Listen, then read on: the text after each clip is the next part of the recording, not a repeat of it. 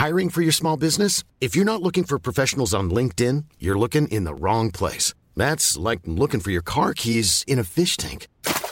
LinkedIn helps you hire professionals you can't find anywhere else, even those who aren't actively searching for a new job but might be open to the perfect role. In a given month, over 70% of LinkedIn users don't even visit other leading job sites. So start looking in the right place. With LinkedIn, you can hire professionals like a professional. Post your free job on linkedin.com slash people today. Now, George Romero brings us the most intensely shocking motion picture experience for all times. It gets up and kills. The people it kills get up and kill. They eat their victims. Imagine, if you will, that something has gone terribly wrong. Välkommen till Skräckfilmscirkeln. Och idag fortsätter vi vår dödliga promenad ut i folkmängderna för att jaga och äta. Med både Romero och Ariento som häxmästare som i det här fallet styr oss. Så är vi idag på gång in i ännu en zombiefilm i franchisen av De levande döda. Dagens film är Dawn of the Dead från 1978. Av vissa, eh, har jag läst mig till på nätet, är klassad som den bästa zombiefilmen någonsin. Eh, undertecknaren är lite osäker, men jag återkommer till det under filmdiskussionen.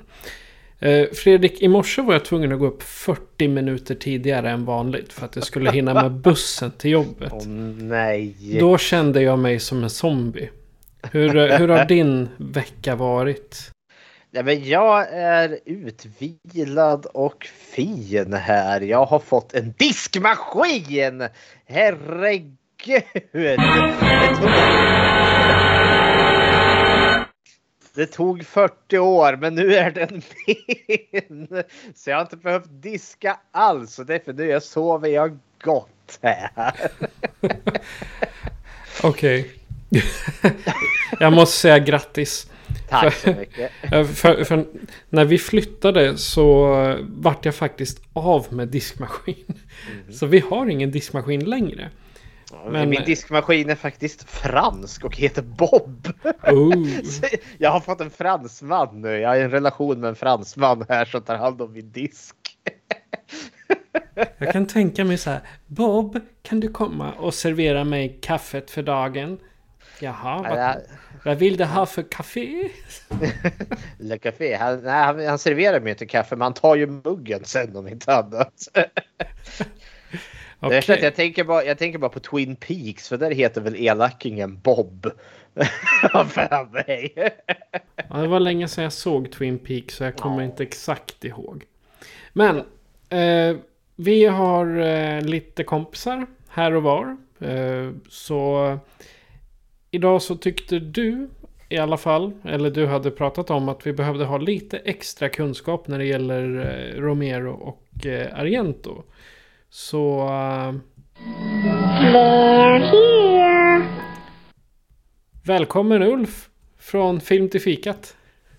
Tack så mycket, tack så mycket. Och alltså det är svårt att hålla sig när, när ni börjar prata eh, först eh, diskmaskiner. Och grattis, grattis. Tack och, så mycket. Och sen Twin Peaks, min favoritserie genom alla tider. Och jag bara ja, han heter Bob. Bob heter han. Han tittar på mig ondskefullt på andra sidan spegeln där. Känner du dig zombifierad idag Ulf? Eh, jag gjorde innan. Alltså, jag, jag sa till mig själv, och när man pratar med sig själv då är man rätt zombifierad. Eh, jag, jag sa, till mig själv när jag åkte från jobbet att jag är trött så jag mår illa. Oj. Och sen så åkte jag hem och så sov jag lite grann och nu så eh, är jag inne på, jag vet inte, dagens sjunde kopp kaffe. någonting. Så, Ja, jag är där någonstans jag också. Jag, är- jag är värsta newben och är väl inne på min femte kopp här eller något sånt. Men det är, det är så, om man har studerat på högskolan minst ett år, då får man stenmage i och med allt jäkla kaffe man häller i sig. Och, och allt jäkla dåligt kaffe man häller i sig. Ja, ja, automatkaffe på skolan var ju inte den bästa kvaliteten direkt. Nej. Men men, eh, innan vi då börjar med dagens huvudtema som är eh, Dawn of the Dead. Den originalet från 78. Så tänkte jag vi ska prata om vad vi har sett sen sist. Och eh, gästerna först säger jag. Eh, ja, då ska jag uh, ursäkta min, mina klick här för att uh, jag är tvungen att klicka upp min lilla fusklapp. för just nu ser jag väldigt mycket film i och med um, den stundande Oscarsgalan. Oh. så jag försöker säga allting som är nominerat i förväg. men om jag håller mig till skräckens värld så var det senaste jag såg eh, Shud. Oh. För poddens, eh, ja det säger Film till fikats räkning. Det vill säga Cannibalistic Humanoid Underground Dwellers från 1984 tror jag de var från. Ja. Eh, den var, eh, jag har faktiskt inte sett den än, jag har bara sett postern. Men den var över all förväntan. Så att oh. jag blev mycket positivt överraskad. Det är en sån där film som har bara funnits i min periferi hur länge som ja. helst. Och jag har liksom bara hört alltså, refererat till den för det, det är sånt kick-ass namn. Men jag har aldrig sett den. Nej, alltså jag kan komma ihåg att jag såg, liksom, såg videomslaget i videoaffären när, när jag var liten. Så länge har den följt med men den har alltid varit liksom där borta någonstans. Så, men nu har jag sett den och det är jag glad för. Så att, eh, se Shud. Finns det inte en uppföljare till den? Shud the Bud eller vad den ja. heter? det var en av de här uppföljarna som de var så, ja tio år senare. Ska vi göra en uppföljare? Ja, okej okay då. ja, Shud 2, det är ju Bud the Shud. Jaha. ja, Bud the Shud, inte, inte Shud the Bud. Ah. ah. Potatoes potatas. Ja. Fredrik? Och jag har också sett en hel del men inte för liksom att jaga Oscarsfilmer utan det är bara för att jag har bara sett en jäkla massa. Eh, jag har sett, eh, nu ska vi se, jag såg om en gammal going. Eh, jag såg om The Relic. Och då ska inte den förväxlas med den nya filmen Relic om demens. Utan den här är ju då The Relic om ett monster stort som en ja, vad var han? En folkbuss som springer omkring på Chicagos museum och äter upp folk, inte ont anandes. eh, alltså den såg jag verkligen när jag gick i gymnasiet och har inte sett sedan dess. Eh, och kom ihåg att jag minns typ ingenting av den. Och att, den, att jag inte, och en anledning att jag inte minns någonting av den för, för att jag kunde inte se något. För den var så in i helvete mörk filmen. Och det var den fortfarande även nu i Blu-ray-utgåvan. Men jag förstod sen på extra materialet att det var medvetet gjort så. Eh, för att han, regissören där, hade väl aldrig gjort en skräckfilm för och han tänkte ja men less is more. Ja, helt klart. Men jag vill kunna se något. Det vore trevligt. More darkness. More dark. Jag kunde liksom inte klaga på monstereffekterna för jag såg inte monstret. Men när man väl fick se det så var det ganska imponerande ändå för det var Stan Winston. Eh, oh. Deras bolag bakom så det är alltid gott. Och även om det var jäkligt liksom tidiga CGI-effekter för den är gjord 97 så höll det förvånansvärt väl. Men plottmässigt var det så in i bängen jäkla dum.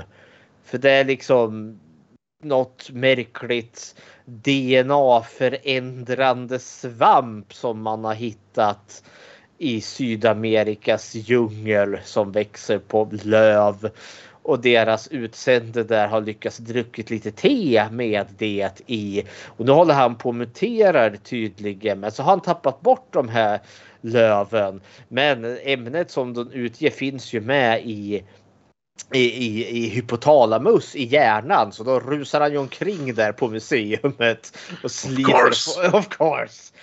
Och just det att monstret är så jäkla stort. Alltså den det blir alltid de här logiska, för den överraskar någon inne på liksom herrtoaletten. Hur, hur tog den sig genom dörren? Den är för stor. Den är stor som en folkbuss som sagt. Men ja, ja. Men eh, och eh, sen har de någon jäkla visning med borgmästaren för något stort happening. Och självklart kommer ju monstret mitt i alltihopa och kalabalik utbryter.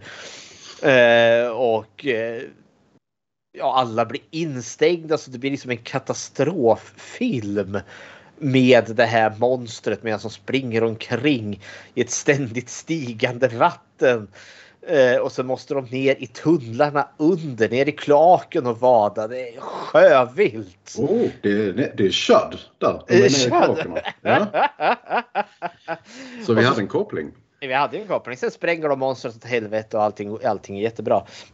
det, det, jag, har svårt att se skärmen för de som kanske inte såg den när den här kom. Men ja, ja, hepp hepp. Eh, sen har jag sett Creep. Eh, det var faktiskt eh, den här inrådan utav eh, den här, eh, en annan podd som heter Podden som fruktade solnedgången.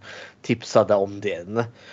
Eh, och då är det Creep från 2014 för det finns ju en till Creep från 2004 ish där de var fast i en tunnelbana med något kannibalistiskt monster. Men den här... Chat! Mycket kannibalistiska monster. Men Creep från 2014 var en found footage film. Eh, och som verkligen gick på det här. Oh, han är creepy som bara den om en man som får ganska mycket pengar att filma en videodagbok till en väldigt excentrisk person. Eh, och den liksom balanserar väldigt liksom länge och väl med liksom att oh, ja, han är ju väldigt konstig. Men samtidigt är det lite sorglig, patetisk person.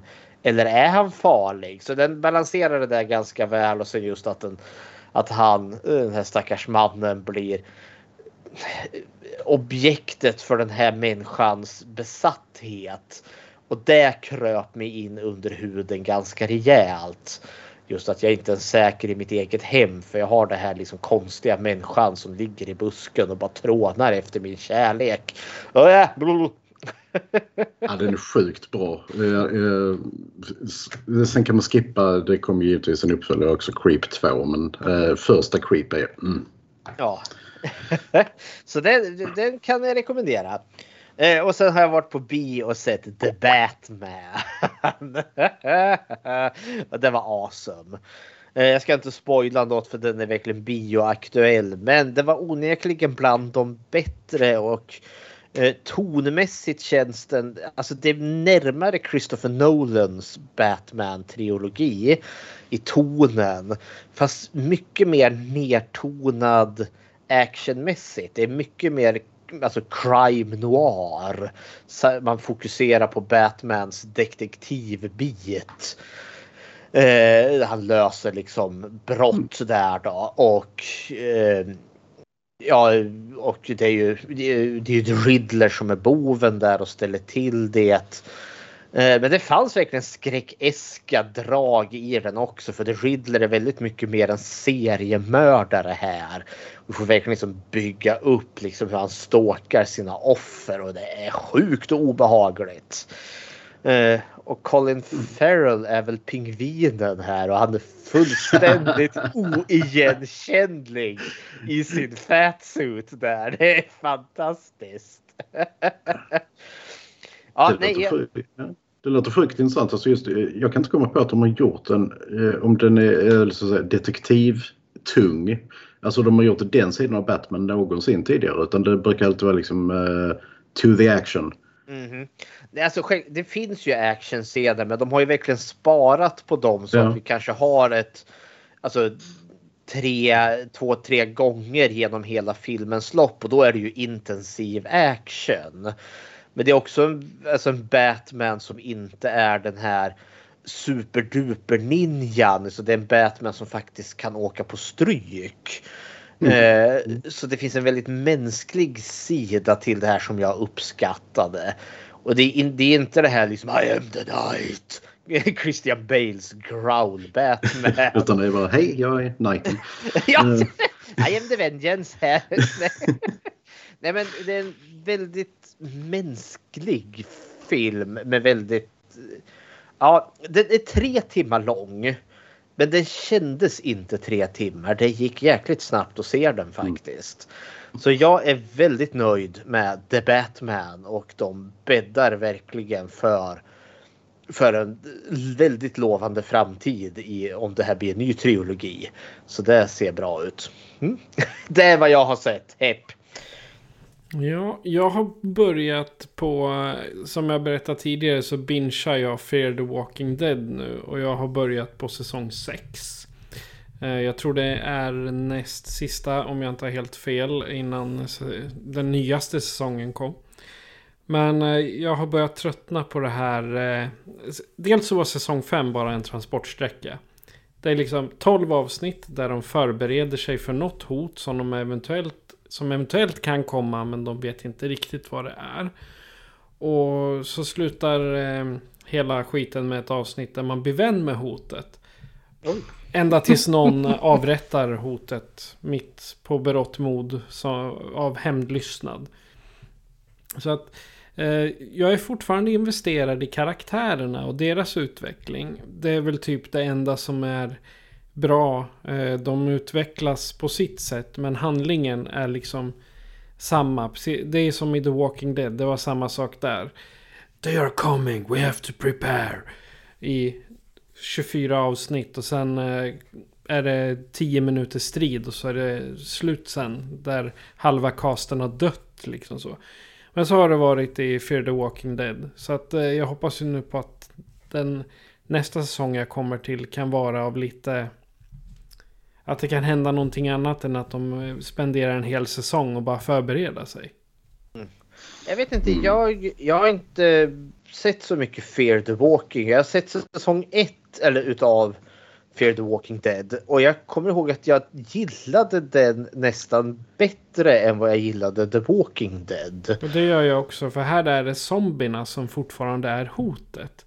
I The Walking mm. Dead, där är det ju, alltså efter säsong fem eller någonting, då är det ju bara mellan människorna det är bråk.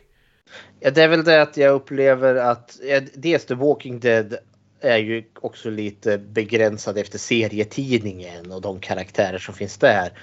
Men jag upplever väl att det finns en viss rinse and repeat. Vi hittar en plats. Vi boar in oss. Sen kommer det en galning, mm. typ guvernören. Eh, så måste vi fly därifrån. Eh, vi hittar en ny plats. Så kommer det en ny galning, Neigen.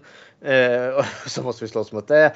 Och så hittar vi en ny plats. Så kommer det en ny galning, Alfa eller vad hon hette. Och så, det vart lite ja, rinse and repeat. Att, att, till och med samma plats med ny galning. ja, till och med det. Men det, det, det, som är roligt i de senare, av, eller senare säsongerna utav The Walking, Fear the Walking Dead är att en del av karaktärerna från The Walking Dead liksom spiller över. Som Morgan, han har ju en väldigt central roll i, från säsong 4. Eh, Dwight som är eh, Negans typ eh, en av hans minions. Han spiller över till Fear the Walking Dead. Så det är ju dels så krossar de ju varandra ibland. Men just Morgan och Dwight, de har fallit över och är helt med i The Walk Fear the Walking Dead nu. Det ska väl komma ja, en spin-off-serie också som följer Negan och eh, nu kommer jag inte ihåg vad hon hette, Maggie eller något sånt där. Ja, vilket jag bara, eh, hur ska ni få ihop det här? Ja, det ska väl uh, göras en till spin-off också nu. Vad heter han? Dwight, han med armborsten. Uh, Daryl. Ja, Daryl. Han och uh, någon kvinna till som har varit med från säsong 1 ska väl också uh, få en spin-off Carol. Carol ja. i alla fall. Ja. Jo, men den... jag, ser, jag ser mycket hellre den för att ja. deras förhållande är, är väldigt, väldigt alltså, fint porträtterat. Ja. Uh, men... Uh, nej, Fear, ja. Fear the Walking Dead, där, där såg jag till, vad hette han um, som var med från början som var drogmissbrukare? Nick. Ja. ja. Jag så... blev så besviken när Nick gick ur tiden. Ja, uh, ja. Han vart skjuten. Så att, ja, så, så där kände jag liksom, för mig dog den serien lite grann. Jag bara så, jag bara, jaha. Nej, fast hans ja. syster Alicia tar över och är väldigt central och eh, eh, blir ju... Det är henne, henne, och, henne och Victor jag vill följa. Hon och, hon och Strand. Det är de som har de intressanta utvecklingarna. Mm. Sen, Ja, Victor gillar jag skarpt. ja, riktig, riktigt arsle men eh, en intressant karaktär. Det är alltså riktigt arslet tills det verkligen, verkligen gäller då han kanske kan... eh, Ja. kanske. Sen finns det ju en, en spin-off till som heter The Walking Dead eh, eh, The World Beyond. Just det, den på den, Amazon eh, Prime. Ja. Och några av de karaktärerna har varit med i Fear the Walking Dead. Jaha, se där. Ja.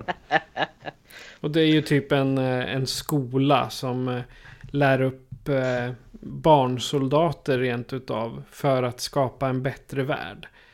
Och det är samma sak där. Någon har onda, onda, har onda aningar eller vill göra ont mot världen och använder den här goda skolan till det. Och så är det någon som gör uppror och så, ja, bla bla bla. Samma alltså det- som i alla andra. Alltså det är jäkligt synd för att själva konceptmässigt så kan man ju få med väldigt mycket moraliska gråskalor i det där. Men eh, jag har hört att just den ska vara, nej. Men en del utav eh, The, The Walking Dead är särskilt Fear. För den, den senaste säsongen jag såg. Det var mera, alltså jag, jag såg Ukraina-kriget i den. De slåss mot en eh, fascistisk ledare. Liksom i eh, en grupp som de kallas för The Rangers. Och jag bara, Mm. hmm. Det är han den där ryssen som eh, helt... Jag vågar inte säga hans namn för då blir vi väl flaggade eller någonting. Eh, eh, det, det är han den där ryssen som har eh, lagt till sig med massa rangers. Alltså det är cowboyer med hästar och AK4, AK5. Som skjuter, M16 är det till och med. Som skjuter o, oliktänkande och eh, offar personer som inte eh, kan bidra till samhället. Känner ni igen det där från andra? Ja. Det finns ju några diktatorer som man kan skriva under den Ja, lilla tesen på. Precis. Alltså det, eh, The Walking Dead har lite samma tematik just nu. eh, för det är den, den, en, av dem jag följer. Men, eh, eh, men på, på ett mycket mer subtilt sätt. Att det är liksom ett väldigt välfungerande samhälle. Men under ytan så märker man ganska fort att okej, allting står inte rätt till. Men det sägs, aldrig, det sägs inte rakt ut än. Nej. så. Nåväl, det var senast sedda. Och eh, Fredrik, jag tycker det är dags.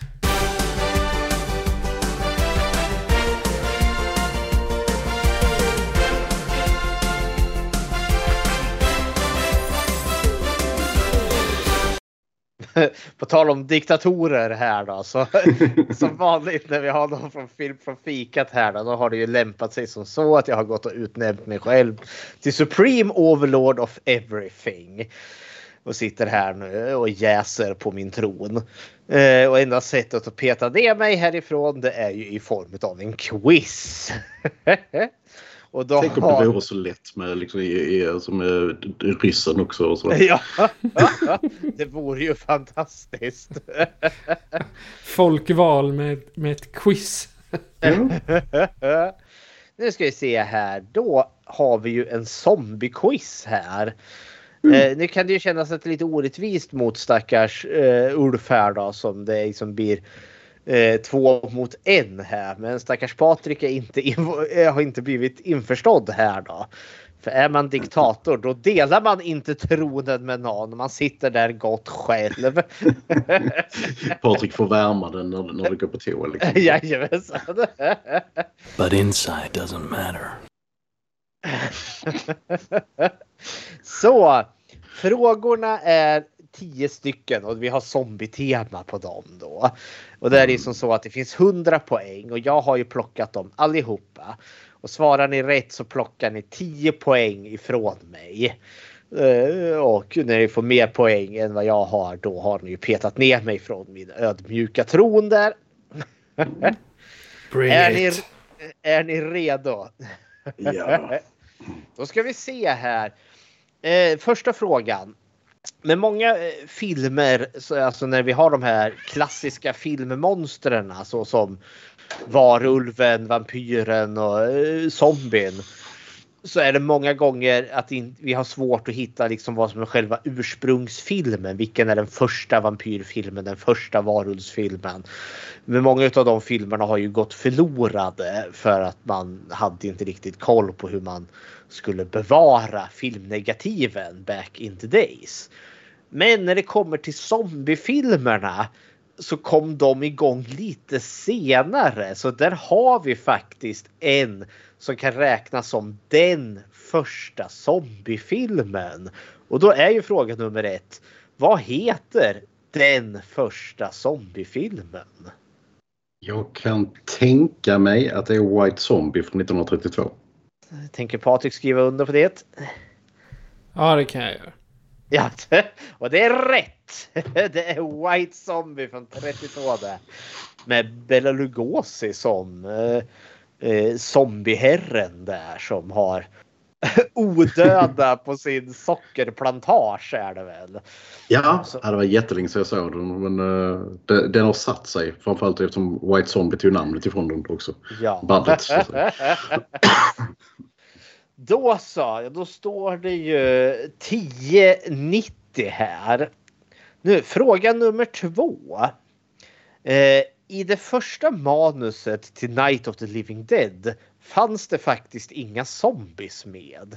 Istället var det någonting annat som var spooky och skulle ställa till det. Vad var det när det inte var zombies? Vampyrer. I, I don't know. Så att, uh, jag går på Patrik Lini.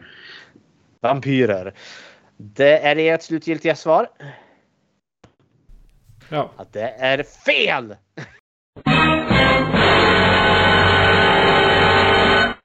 Det var Ja. utomjordingar. Eh, Jo, I nu du första säger det. I det första draftet är inte ens i närheten av det som vart slutprodukten. För det skulle mer vara en... Alltså det skulle vara ett gäng utomjordingar, tonåriga utomjordingar som kommer ner och så möter de lite mänskliga utomjordingar och så skulle de iväg på ett litet partypartaj och hijinks ensue. Ja, jag, jag tror Så- jag blandar ihop den där med The Last Man on Earth då. Ja, just det. Det, det var vampyrer. Ja, då har du vampyrer. Originalet. Jajamensan. Men då ska vi se här. Eh, då står det ju fortfarande 90-10 till mig! Nej! Mums mums. No! No. Nu så, fråga nummer tre. Eh, Claverius narcis eh, kallas för den levande zombien. Det här är en riktig person eh, och ett riktigt fall. Han dödförklarades nämligen 1962 och begravdes. Men hittades två år senare hemlös och i ett väldigt förvirrat tillstånd. Eh, när han väl fick sjukvård och tillfrisknade så kunde han, gav han då en berättelse om att han hade blivit förgiftad av en bokor, alltså en häxdoktor som hade tagit honom till sin zombieslav. Så i vilket land hände denna märkliga berättelse?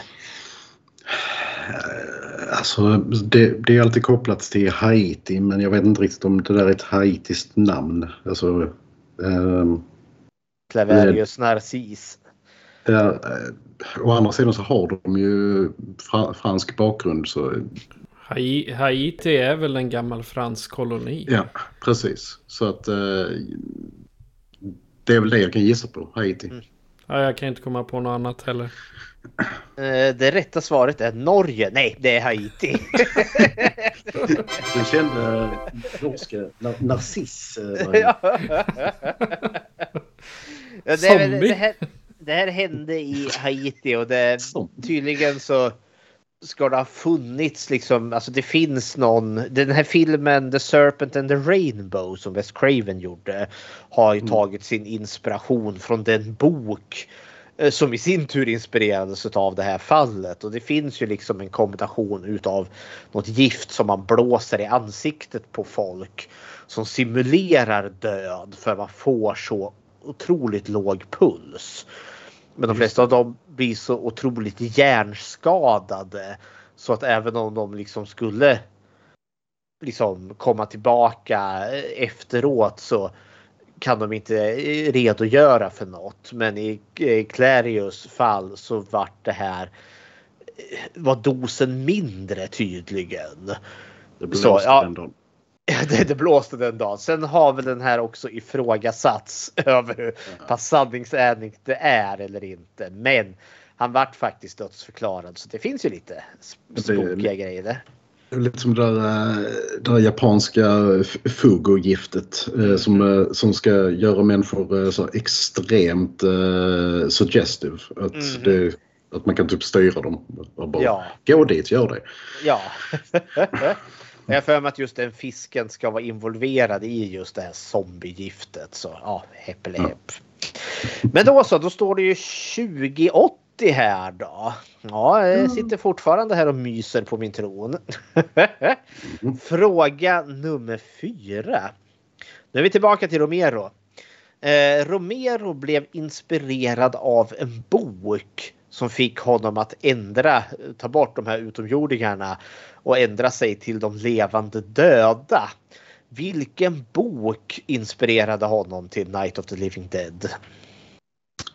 Jag kan tänka mig att det var I am Legend av Richard Matheson men jag vet faktiskt inte. Det är, det är en gissning. Mm -hmm.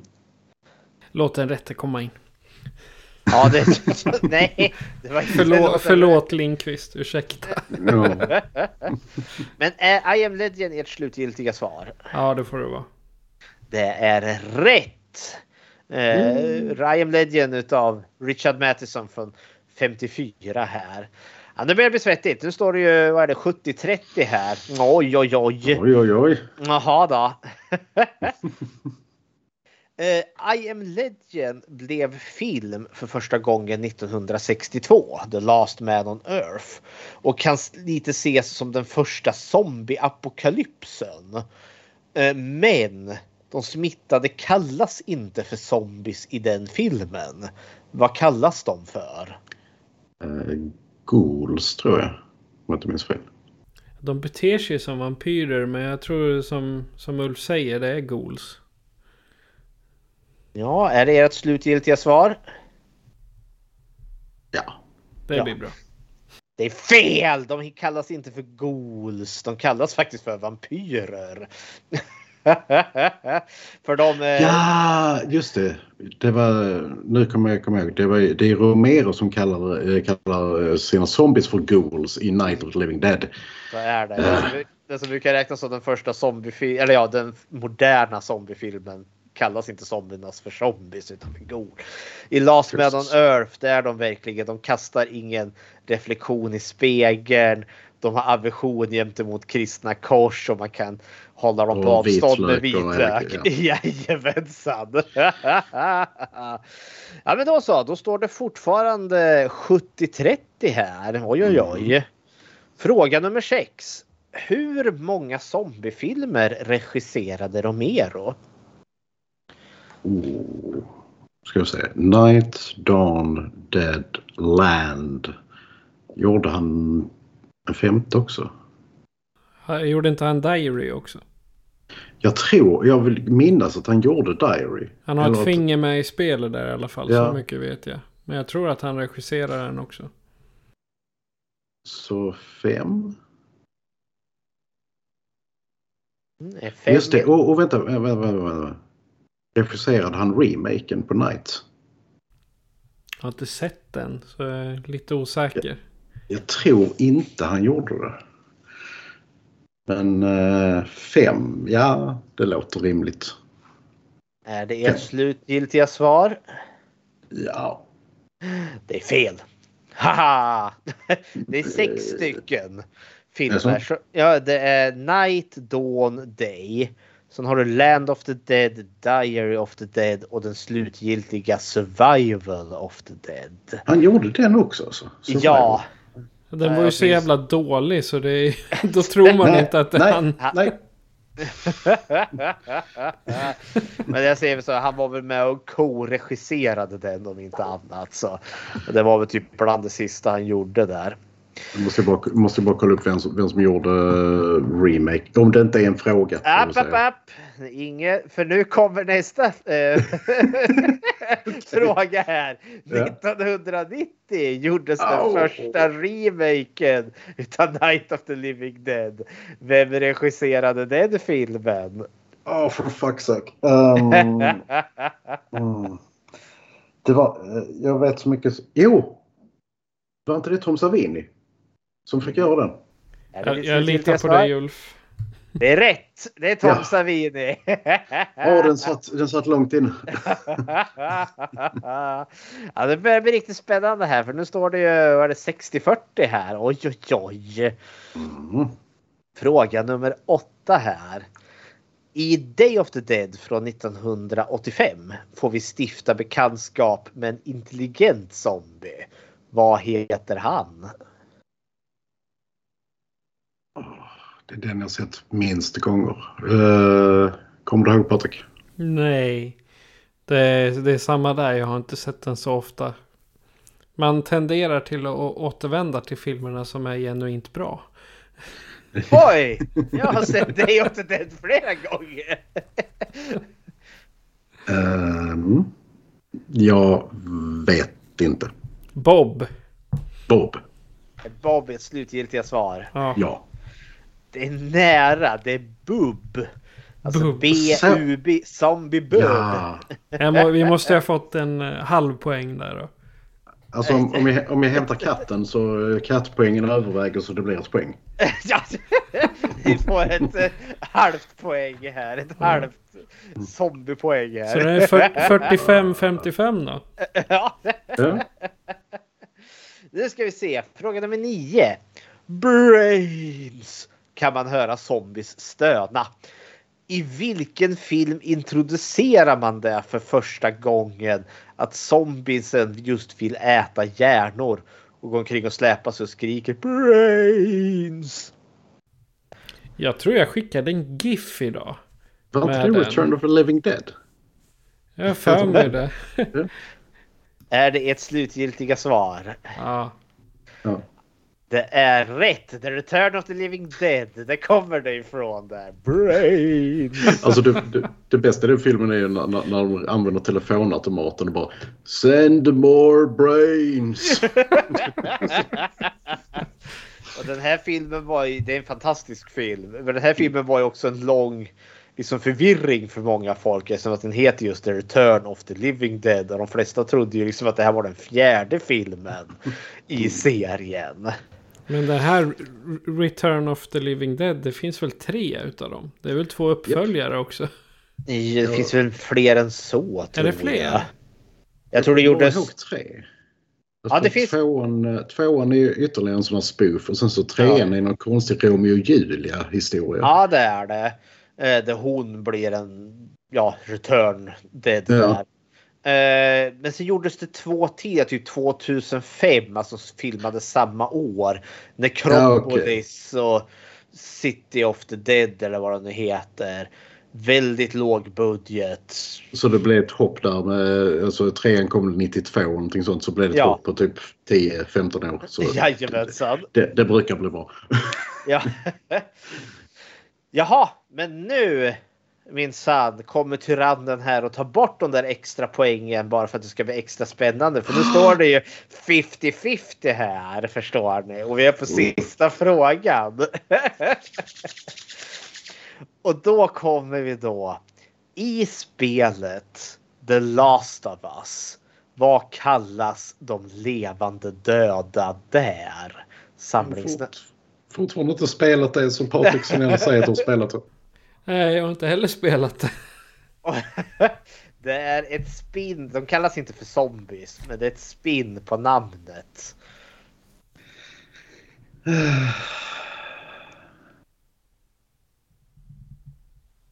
Spinn på namnet.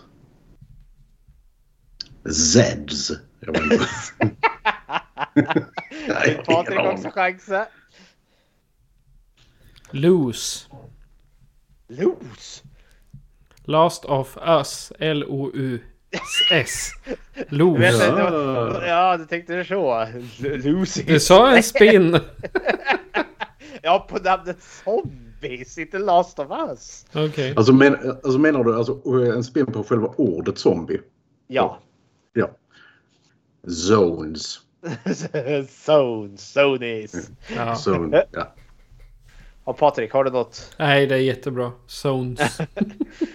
De kallas för fungis. För det är ett svamputbrott där. Fungal.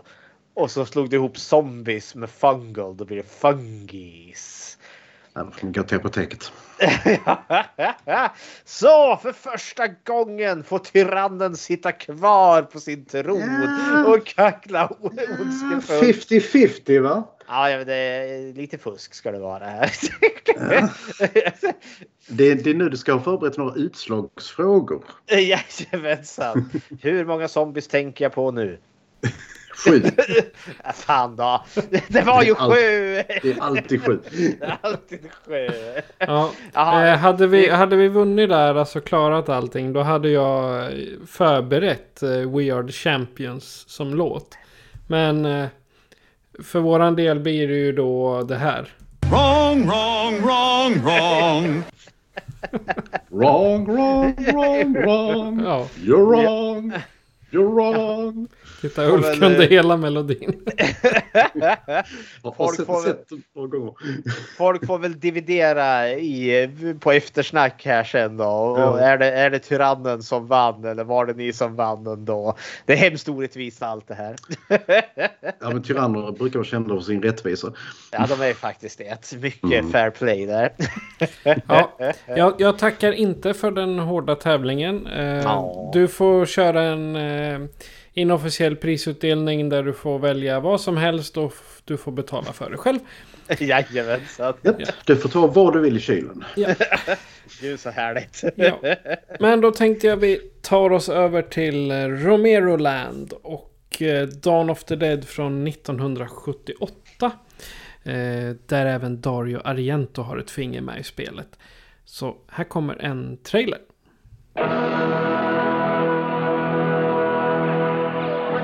1968, George Romero brought us Night of the Living Dead.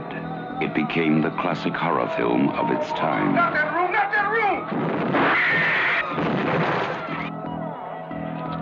Now, George Romero brings us the most intensely shocking motion picture experience for all times. It gets up and kills. The people it kills get up and kill. This situation must be controlled before it's too late. They are multiplying too rapidly. Dawn of the Dead. Meet me on the roof at 9 o'clock. Get out. I don't believe We're it. gonna get out in the chopper. We've got to survive. Somebody's got to survive. They kill for one reason. They kill for food. They eat their victims. Imagine, if you will, that something has gone terribly wrong. Shoot it, man. Now, accept the fact that there's no escaping the horrible consequences. George Romero brings back the dead. Night of the Living Dead has ended. Dawn of the Dead is here. We must not be lulled by the concept that these are our family members or our friends.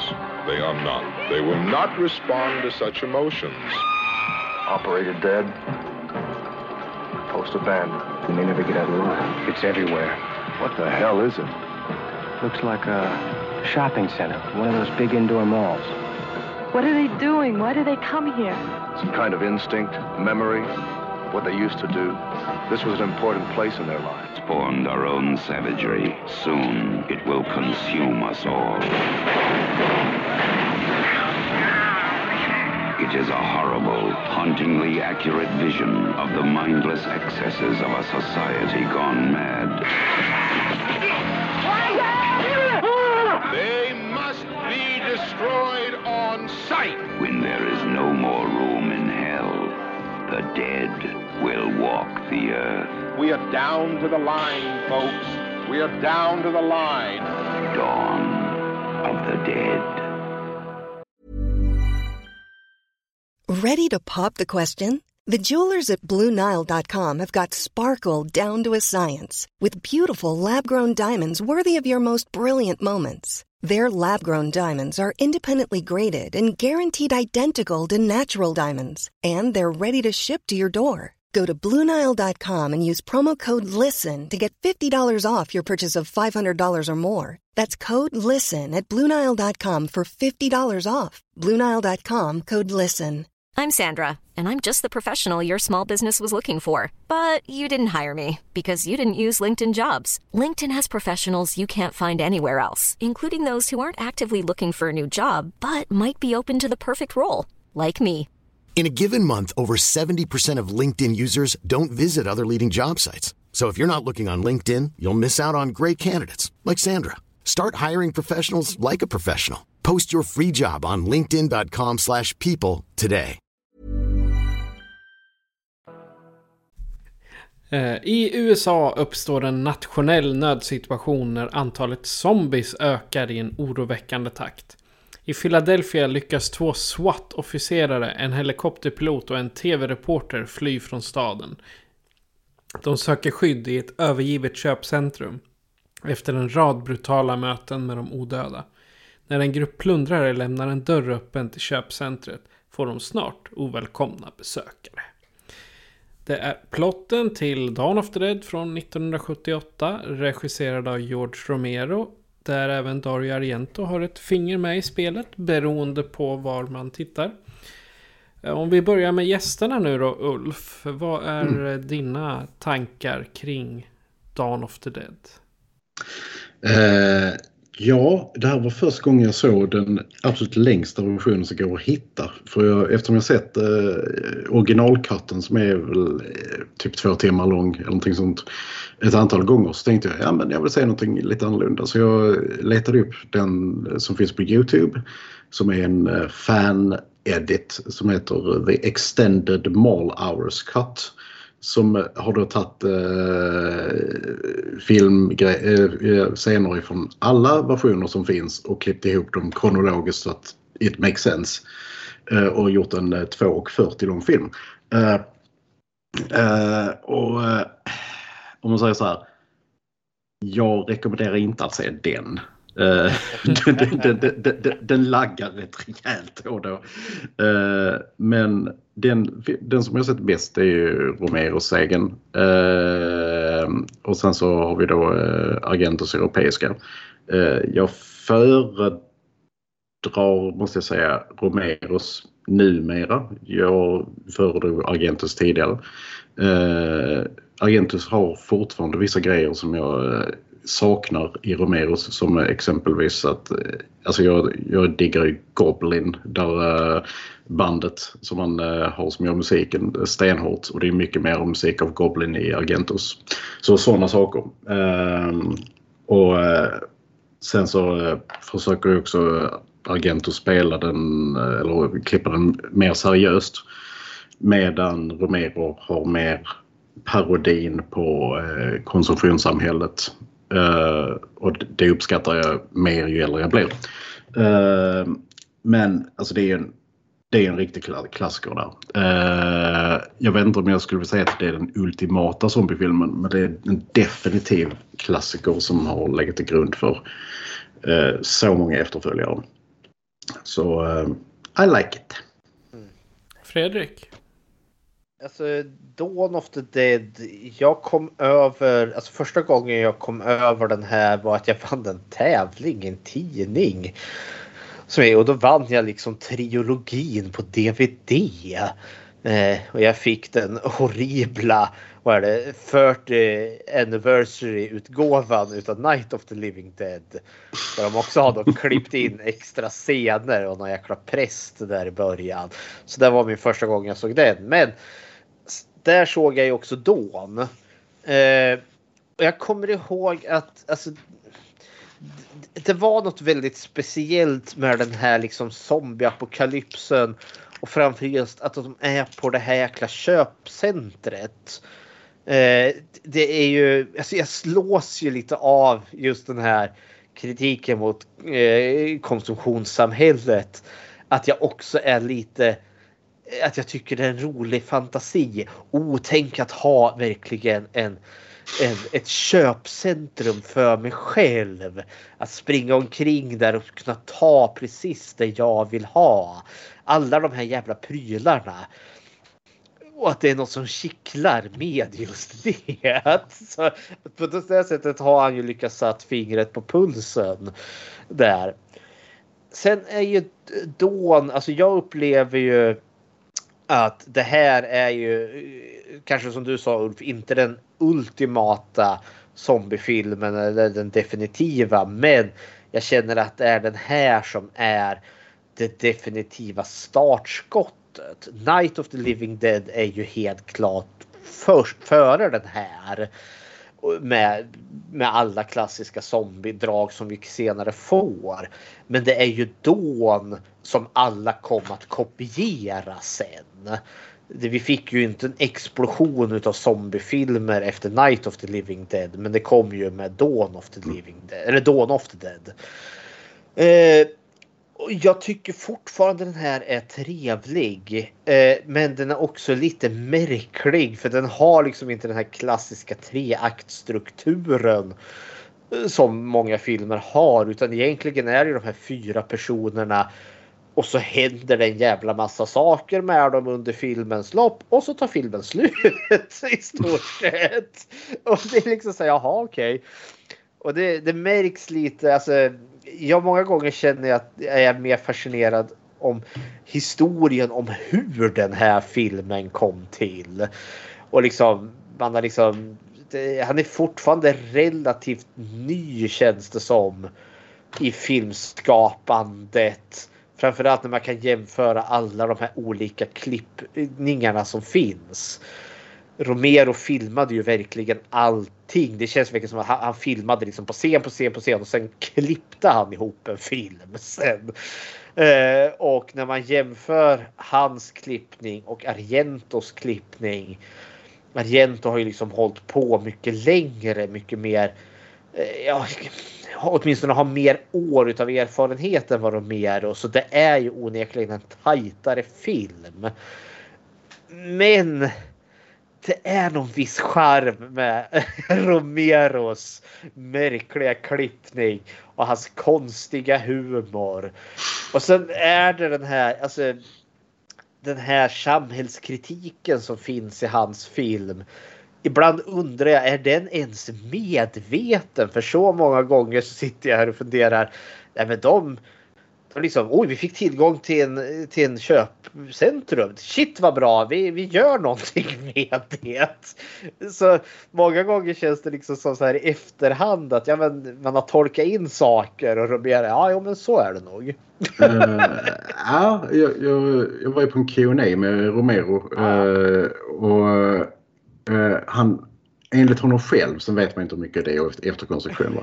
Men enligt honom själv så uh, var det det som var huvudtanken till att börja med. Att det, det, att det var liksom inte det var inte tänkt som en zombiefilm alls från början utan han ville göra någonting om uh, Alltså just uh, han såg hur fler och fler köpcenter poppade upp i USA och slog ut liksom, de här småbutikerna och, och, som låg i liksom stadskärnorna och sånt där. Så att det var där han ville göra det. Och Eh, eller det var det jag ville göra och sen så tänkte han vem är the mindless consumers? Zombies. Ja, ja, ja, men ja, okej. Okay, ja. ja. Ja, jag, jag, köper det. Men samtidigt känns det också som att de är väldigt mycket liksom. Kan vi få in ett mot Kan vi köra motorcyklar i köpcentret? Det låter awesome. Vi gör det. Alltså jag fattar. Alltså, det där undrar jag om de fick tillstånd för. Uh, det är liksom bara Va, va, har, ni, har ni kört motorcyklar inne? Bara, nej, nej, nej, nej, nej. Vi, vi, vi, vi släpade våra skor längs med golvet. Ja. Vi hoppade jämfota med svarta sulor. Varför ja, luktar det bensin? Nej, det är min nya parfym.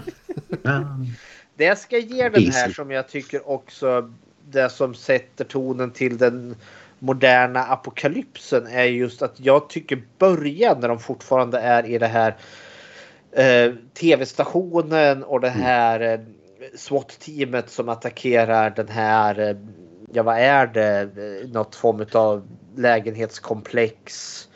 Ja, något, jag tror det är typ så Skid Row Typ. Ja, ganska, ut, ganska Ja. utsatt område. För just den biten målas upp.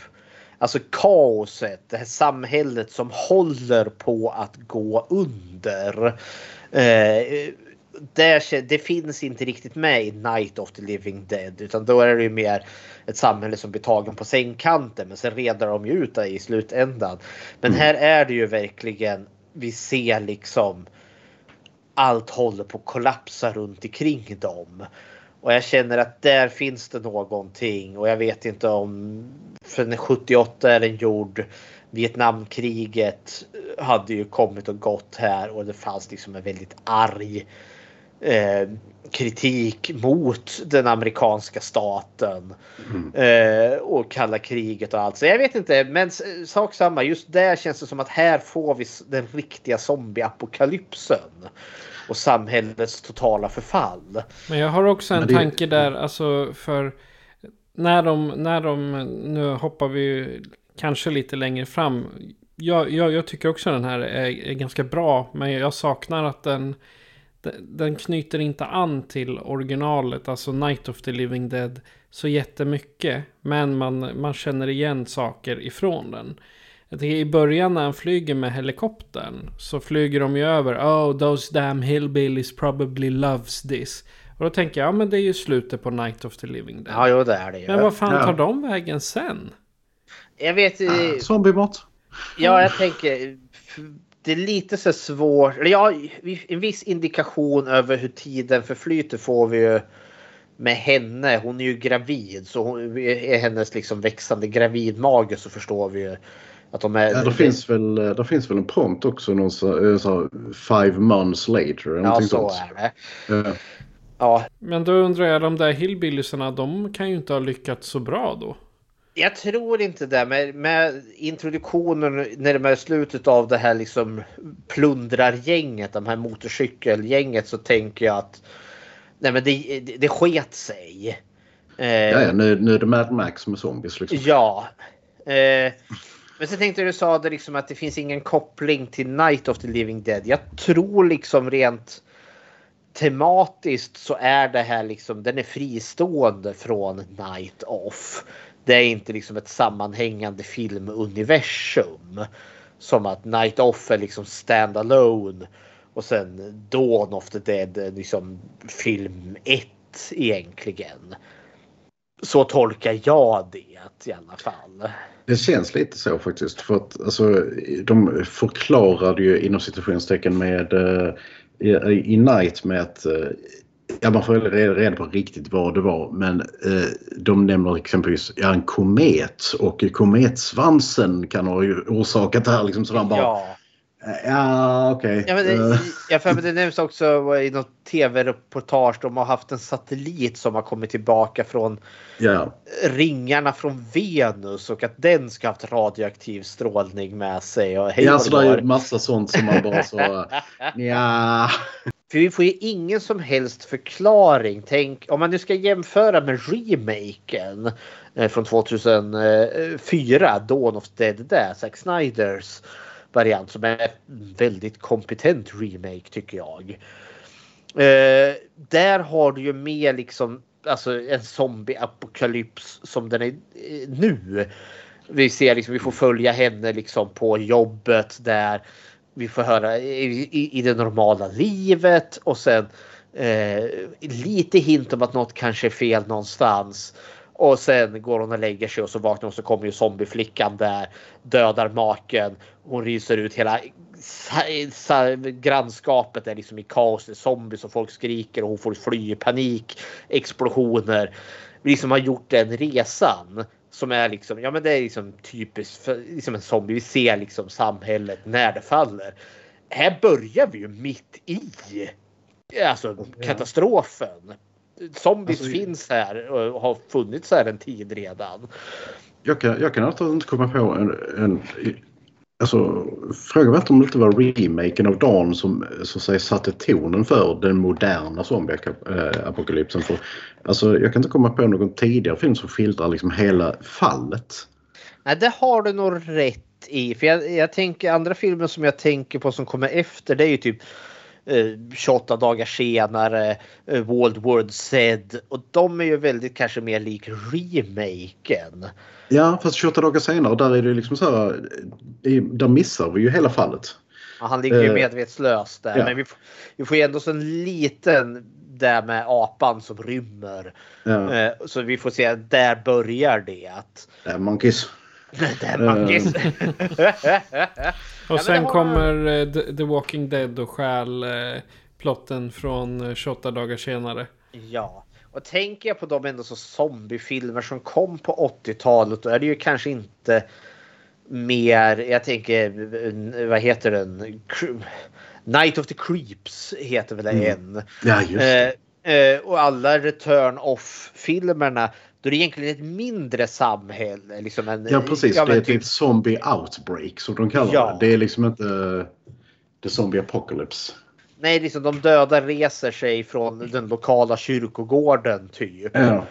Medans, eh, för så är det ju ändå så i Dawn of, alltså 78, då är det ju hela Amerika går åt faderullan och säkert hela världen. Men så är det ju inte riktigt i de andra. Då är det ju verkligen lokala zombieutbrott. Och Ja, sen mm. kanske med remaken Dawn of the Dead, då har vi samhällen, hela länder går under. Jag tror till och med de har en eh, Jag vill minnas att de har en karta i eh, Night of the Living Dead var det påverkades. Ja, Eh, alltså i någon sån här tv-rapport att det var alltså runt Philadelphia och så ut mot östkusten och sen kom det inte längre. Nej. Så det var liksom ingen apokalyps. Det var bara i den delstaten som folk råkade bli, bli lite förkylda och det här är ingen fara. Det, fin det finns en väldigt, ni känner kanske till Red Letter Media på Youtube. Eller de, de har- eh, recenserar med och de gjorde en eh, Eh, en 20 minuter Mr Plinket review. Där de går just igenom zombie-genren. Och då eh, just gå på logiken, liksom hur går ett samhälle under på grund av att de döda återuppstår och är det Romeros döda, the recently deceased, eh, ja då är det ju typ ja, äldre personer och de måste ju vakna på ett eh, inte vet jag, ett bårhus eller något sånt där.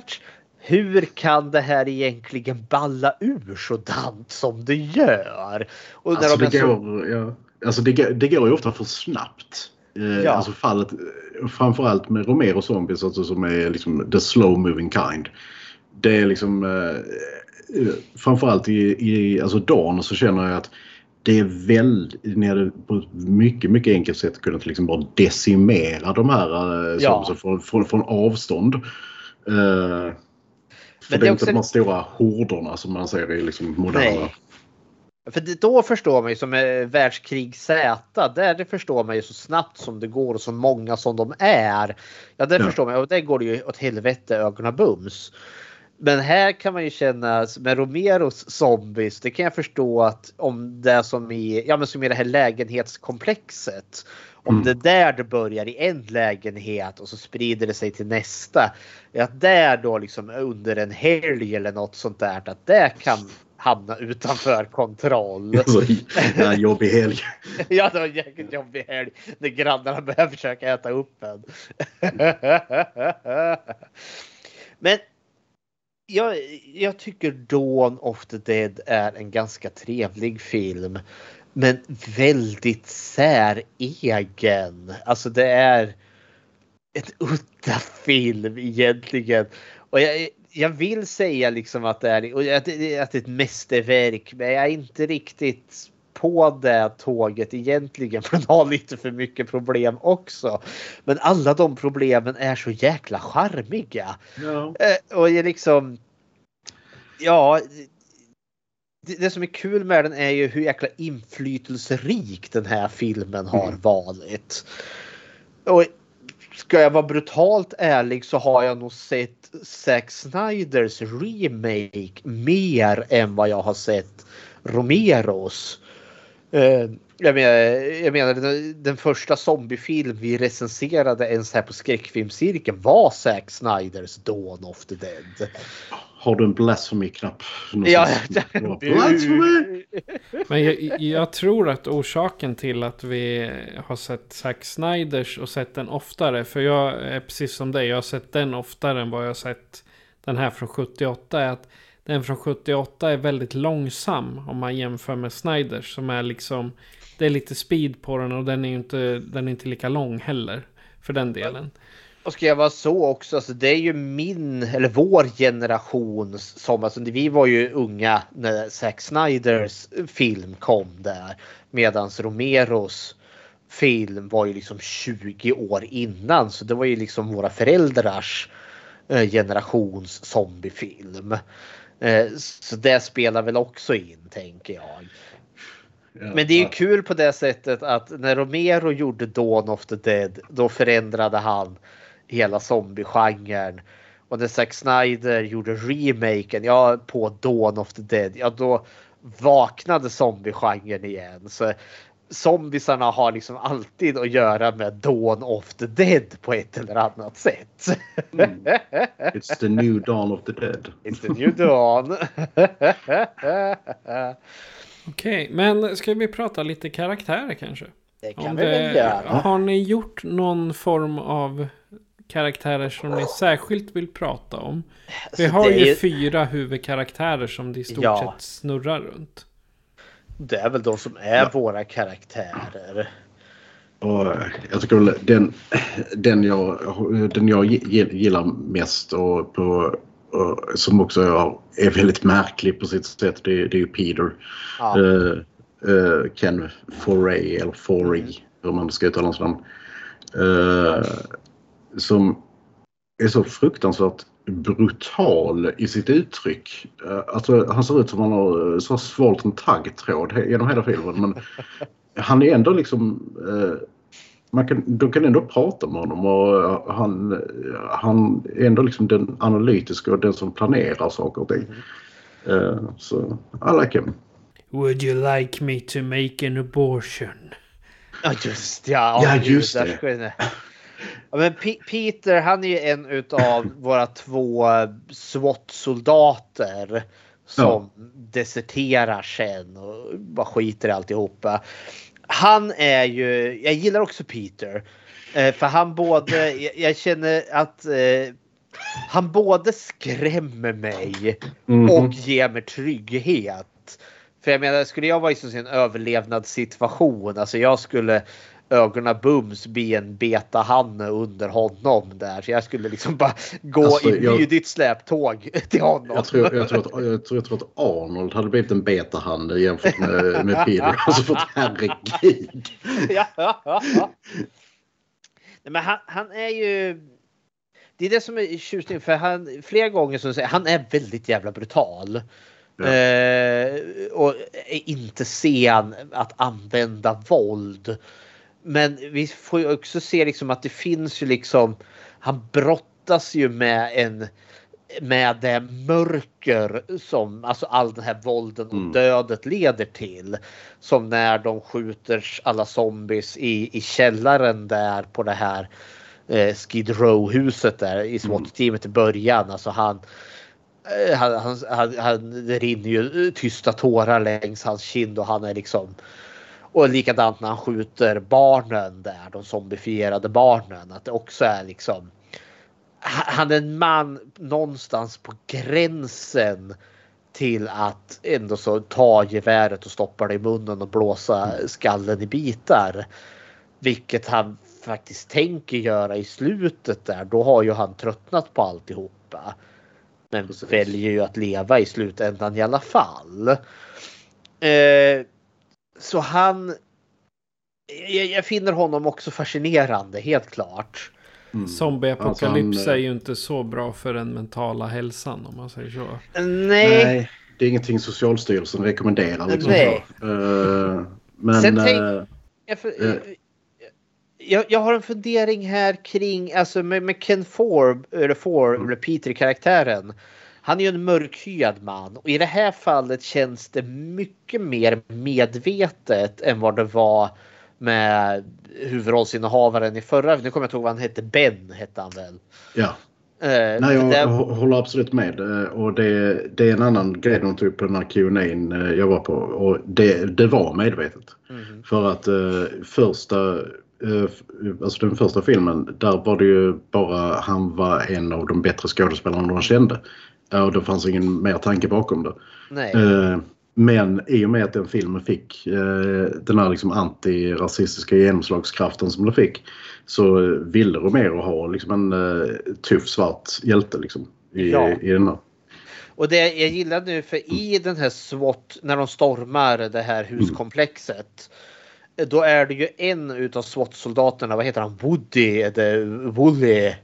Som blir galen där. Vi- Han är ju en stor vit man och vi ser ju honom innan där som står där och bara vräker ur sig rasistiska kommentarer. Han ska skjuta alla jäkla potoriker och så vräker han ju sig en ordet där också. Och han blir han går ju bärsärk och skjuter alla. Och han skjuter ju framförallt personer eh, av eh, annan hudfärg än grisskär. Och när Peter kliver in, alltså det är ju inte ens en diskussion utan han kliver ju bara in, siktar och skjuter honom. Bara sänker han direkt. Ingen diskussion. Pang, du är död. Men det, men det är lite det med, med, med hans karaktär att han eh, visst han, han tar, tar gärna till våld men han använder bara det våld som han anser krävs. Alltså det, är liksom det, han går aldrig till överdrift utan det är pang nu går jag härifrån. Alltså det är inte det här liksom eh, som han som flippar ut liksom bara "Haha, det här är riktigt kul. utan han är ju verkligen professionell i hela sin yrkesutövning som Ja, SWAT-team. snubbe. Han är ju ingen mobbare. Han nyttjar ju Nej. inte det här alltså, övertaget han har. Eh, han, han använder ju visserligen det för att göra några poänger ibland. Mm. Eh, han, han skrämmer ju vad han helikopterpiloten Roger där. Efter att Roger har försökt hjälpa honom med att skjuta en zombie men höll ju på att skjuta han istället. Det är bara, det är bara på någon. ja, Nej, men han har ju en poäng. Han gör ju en poäng där då. Eh, Man skulle ju kunna göra den här karaktären så mycket mer otäckare liksom som att nej, men nu Oh ja. han, han ska ha tjejen där och Roger som är så liksom den mycket mjukare mannen. Han hade ju lätt kunnat liksom bara brösta upp mot honom där. Men det händer aldrig. Nej. Eh, Men den, eh, den scenen förut när han nästan skjuter, eh, när Roger nästan skjuter Peter, den är så tragikomisk. För att, eh, stackars Roger han försöker ju skjuta de här zombiesarna men han är så jävla dålig skytt. Och sen, sen, sen så ko- kommer den andra killen, vad han nu heter. Steven. Ja, Steven.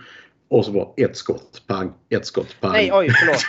Nu blandar jag ihop dem. Det är Steven Ja. som är helikopterpiloten och Roger som är den andra. Ja, ja. Eh, Jag, jag tänker bara på honom som flyboy för att Ja. det är det man hör hela tiden. Ja, han, det, det han gör är att han går fram och knuffar bort honom. Och sen skjuter.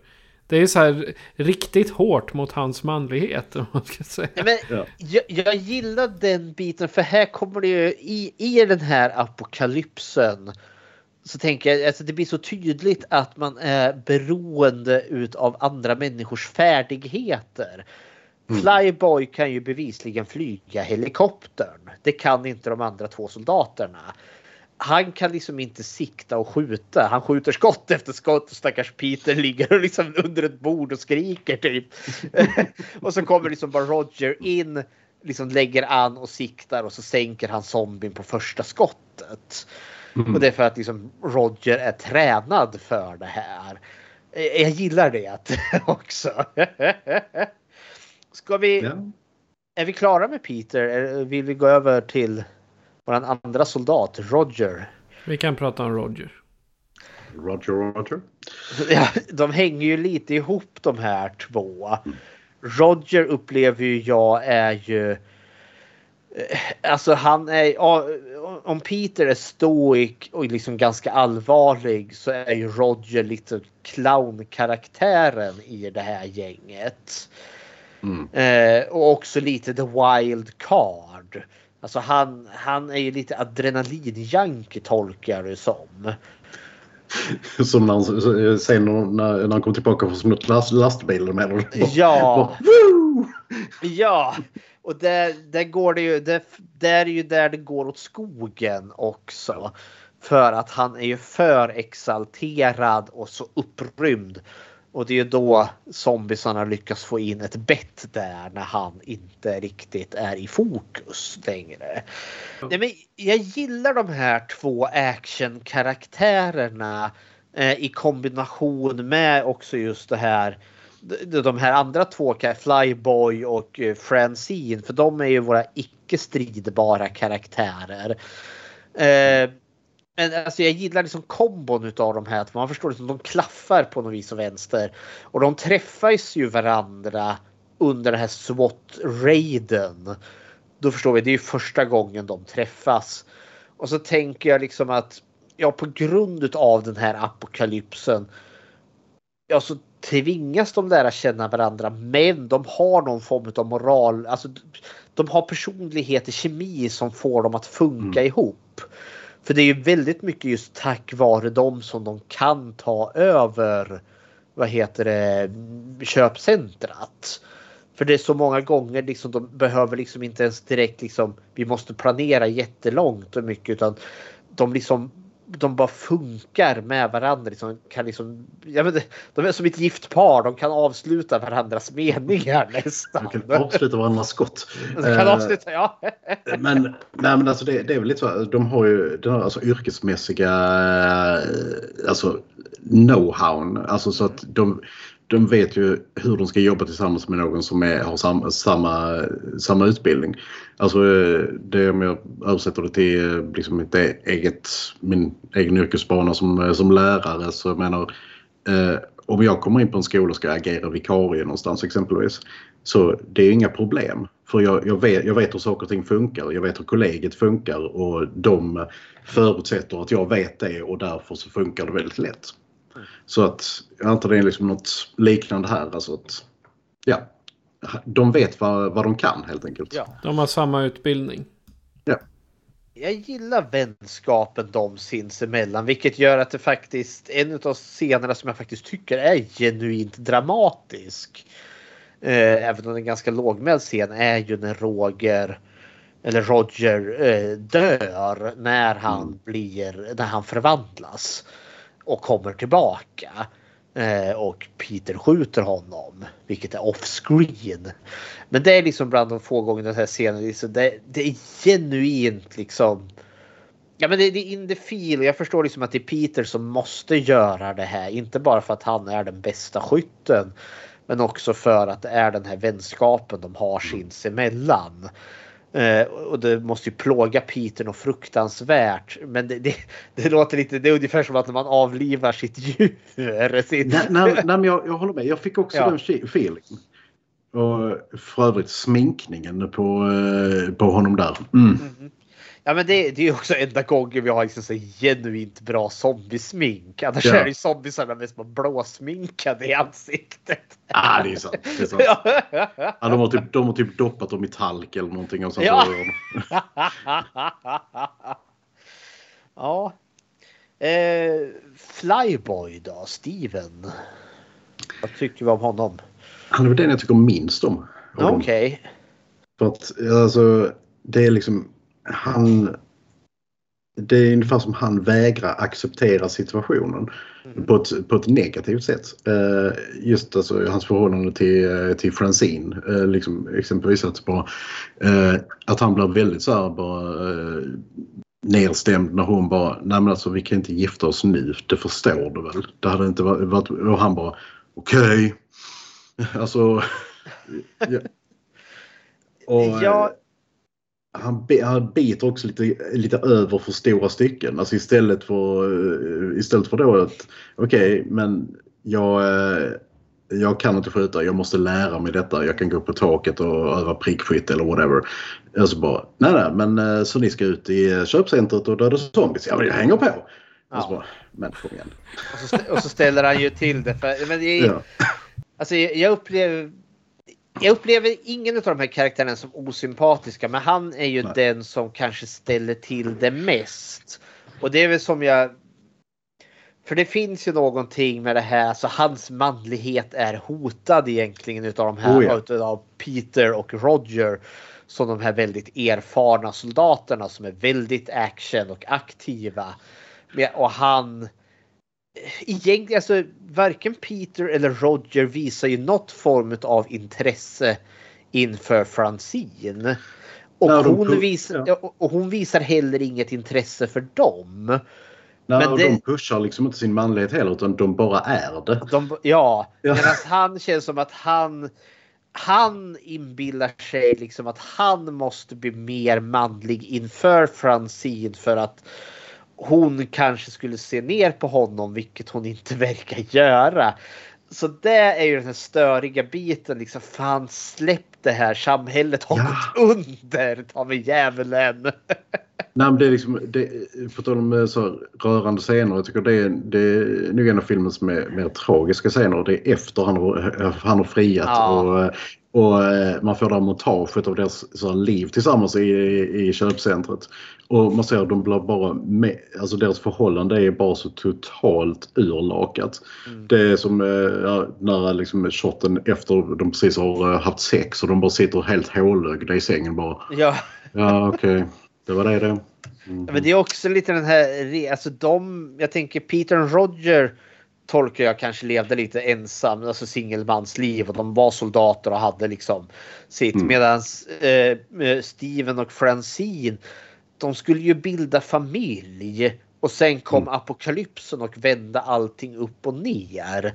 Det är deras plan liksom att, ja men hon, är reporter, han är helikopterpilot, de skulle säkert få ett fint hus. Liksom. Det fanns en plan. Och nu har det gått åt helvete. Någonstans där så de, de håller ju på att boar in sig i det här liksom, varuhuset. Men det kommer ju gå åt helvete. De, de kan ju inte bo här. Alltså för att samhället har ramlat omkring dem. Så ja, hipp. En, en, en, någonting helt annat jag bara, bara slår mig just. Alltså tre av fyra karaktärer delar namn med karaktären i American Dad. Jaha! Steve, Steve, Francine och Roger. det var så. Det var Men, så. eh, eh, är det inte Roger, inte det? Eh, jo, American Dad sa du va? Jo. Ja, ja utomjordingen där. Ja, precis. Nej, det bara slog mig nu bara. Ja. Eller är det så att American Dad delar namn med de här? Men då, då, Ja. Och Peter blir ju Ja, Family Guy klart. då. Ja, ja, precis. Nej men något jag ska ge den här, alltså för han växer ju lite, alltså han blir ju mer kompetent, alltså Ja, närmare filmens slut. Eh, men samtidigt skiter det ju sig i slutändan också när eh, alltså motorcykel, alltså plundrarna kommer. Då låter ju han sina känslor stiga över och så eh, vill ju han liksom slåss mot eh, de här.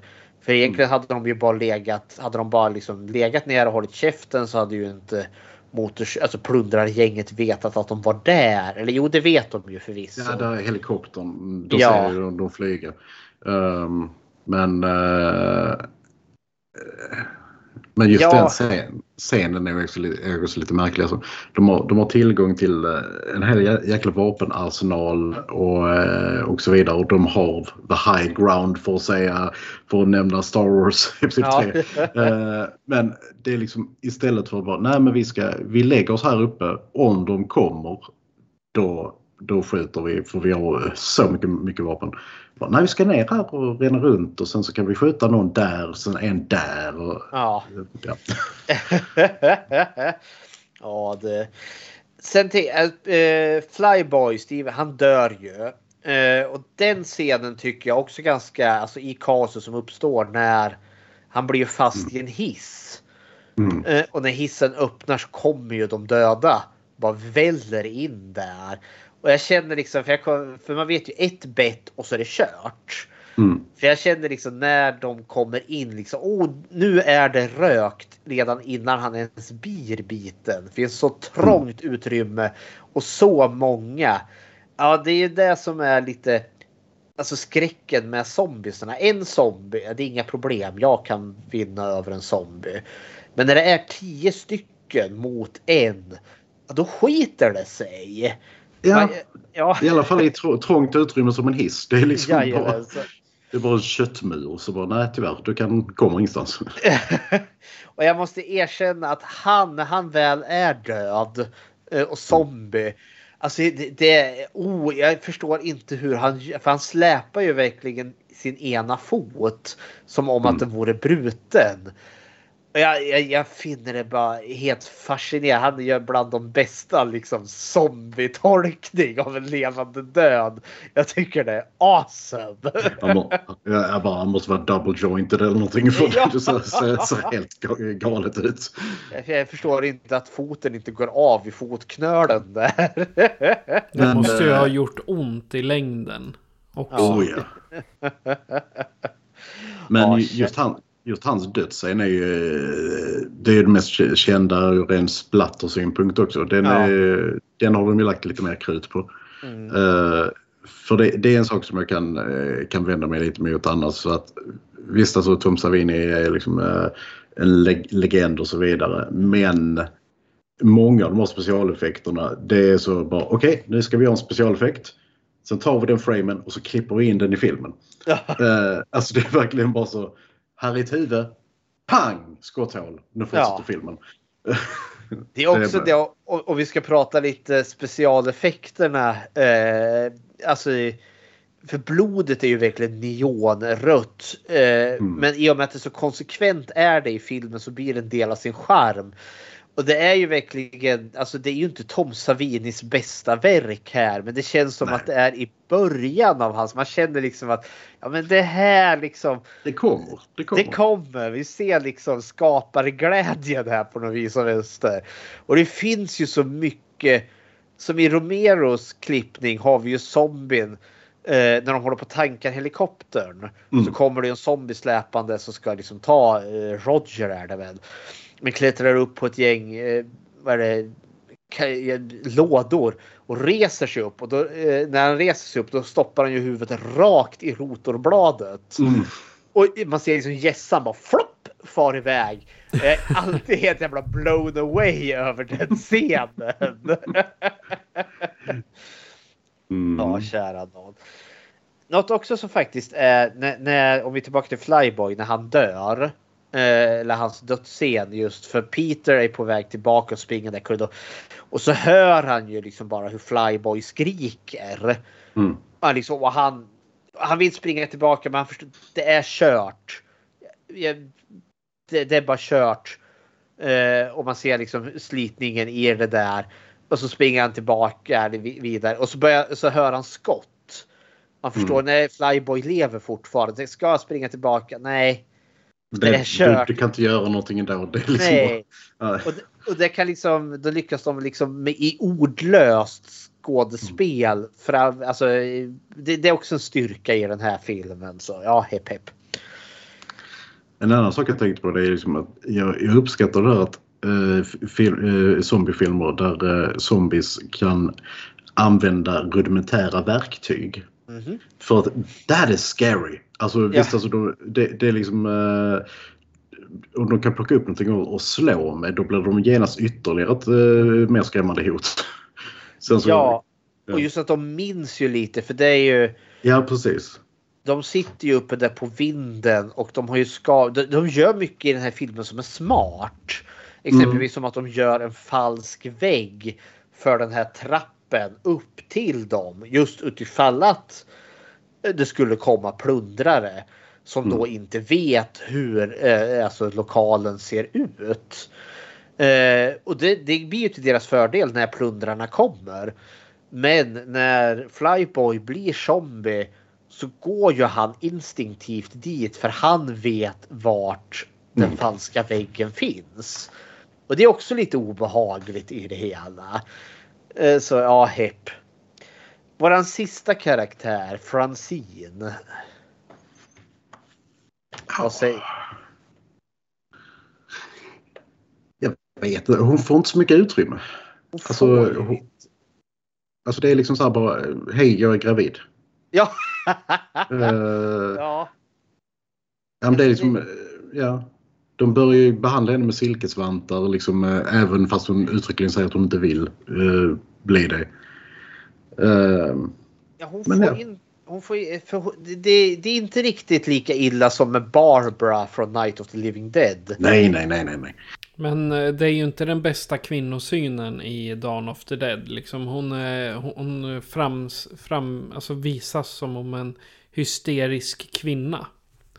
Ja, jag vet inte om hon är så hysterisk men Ja. de, gör, de gör henne passiv i alla Ja, fall. passiv och svag. Ja, Ja, Snarare ja. än hysterisk skulle jag säga. Eh, och det också för det, det är det gemensamt med Night Off är att med Night Off börjar ju vi med Barbara. Hon är liksom den första karaktären av det här gänget vi får lära känna. Eh, Vi får följa henne ganska mycket i början. Sen blir hon jättepassiv i stugan där. Mm. Dawn börjar ju med henne. Hon är ju den första person vi får se där i radiohuset. Och där är hon ju väldigt aktiv. Hon får reda på att eh, den informationen om de här skydds... Eh, alltså det här är de säkra zonerna ni kan ta er till. Visar sig vara fel. Eh, och då strider hon ju där lite att vi kan ju inte ge ut falsk information för då kommer folk dö. Och så tar hon ju strid mot han, eh, vad som jag tolkar det, tv-chefen där. Och han står och skriker på henne. Eh, folk, det är kaos där men hon, liksom, hon är ju där och styr upp. Hon riktar kameran rätt och liksom försöker ändå så styra. Där är hon väldigt aktiv. Ja, hon, är, hon är producent. Ja, hon är producent. och det, det, alltså, där får hon liksom vara aktiv. Sen kommer resten av mig, männen här och så hamnar de i köpcentrat. Och där blir hon lite Barbara i, alltså som bara hon blir väldigt passiv. Inte riktigt lika patetisk som Barbara. Men hon får inte göra särskilt mycket. Nej, om man säger så, det, det, det är ett fall framåt om man säger så från, från, eh, från Barbara. Alltså det, eh, det, det är väl det jag känner att de var på väg att göra någonting bra med karaktären när hon säger, liksom, när hon poängterar att eh, nej, alltså, behandla mig inte annorlunda. Jag, alltså, alltså, jag vill också dra mitt strå till stacken ungefär. Men sen, Ja. sen, så, sen så spelar de ju på eh, henne, henne, eh, hennes ändå bara att ja men, ja, men hon, hon är kvinna, hon är gravid och så vidare. Så, och där blir hon ju väldigt... Så, Ja, för, för jag gillar verkligen den scenen då hon alltså, drar gränsen där. Behandla mig som en i gruppen. Tala inte omkring mig och om mig. Utan prata Precis. med mig. Och de går ju med på det liksom. Ja. Mm. Så gör man ingenting med det. Hon vill lära sig att köra helikoptern och det kommer ju med i slutet för att när Flyboy är död så kan ju hon flyga den visserligen. Mm. Men och vi förstår hon lär ju sig att skjuta visserligen. Men det kommer heller aldrig till sin rätt. Hon skjuter inga skurkar, hon skjuter inga zombies. Alltså nej, det, det blir inget av det. nej, Istället, inte. istället får vi ju just också att de gör en grej med att hon blir ju the damsel in distress i en scen. När Ja. de håller på att rensa ut zombisarna och så är det en som släpar sig upp. Här är Krishna-zombien. alltså, alltså jag bara så, jag bara tänkte, vad fan är det han har på? Ja, okej, okay, jag get it. Så han har lilla tamburin också. Ja. Eh, Men det är också liksom för, för de gör ju en grej av det liksom efteråt. Hon har ingenting att försvara sig med. Hon har inget vapen. Och de andra är liksom långt ute i eh, vad heter det, köpcentrat. Och kan Mm. inte komma till hennes undsättning för de alla var och hon har ingenting att försvara sig med. Och hon säger ju efteråt, för de, hon blir ju räddad i sista sekund där. mm. Eh, och säger att jag vill aldrig någonsin mer igen vara, inte ha möjlighet att kunna försvara mig. Och då tänker jag i en annan film, det är den här liksom märkliga strukturen. Då hade vi fått någon pay-off till det. Kanske att eh, en av banditledarna, typ Tom Savini där som är en av skurkarna där, kommer in där och börjar vifta med macheten. Och så blåser hon bort honom med ett hagelgevär eller något sånt där. Ja, Men något nej. sånt. Ja. Eller, eller åtminstone ett training-montage eller någonting. Eh, Ja. Men nej, det, Nej. hon flyger helikopter. Så. Jag kan säga att Hare Krishna zombien, han heter egentligen Mike Christopher. Jag tittade på hans eh, filmlista och han spelar i stort sett eh, vampyrer, zombies, monster och Just nu så håller de på med Night of the Living Dead Genesis. Och där så Oj. spelar han Dr. Adrian Linus. Som då är Hare Krishna. Och Ja. Ja, så, ja, som spelar zombies, vampyrer och Hare Krishna. Ja, exakt. Det är typ, det är typ vad han gör. Olika sekter. Ja. Men det skulle jag väl hävda är de karaktärer vi har. Sen finns det ju lite så här. Alltså de tittar ju på tv och då är det ju lite så här Mm. scientist som sitter där och säger konstiga saker. Men det är mer liksom, alltså det är nästan ett talking heads. Alltså det är liksom inte eh, några, några riktiga karaktärer som så. Nej. Det är lite det är- som eh, statister, typ. Ja. Ja, jag tänker, det är också en callback till Night of the Living Dead. För där sitter de ju också och lyssnar på radio är det väl. Och får Mm. liksom staten informerar bla bla bla bla. Och så blir det ju i den här också liksom att men här är det ju en slitning för folk de skriker ju på varandra. Eh, Mm. Vetenskapsmännen säger vi måste döda de levande döda och folk är jättearga och säger hur fan kan du göra det? Det är omoraliskt. Och jag vet inte vad man är ute efter här om han är på jakt efter någon form av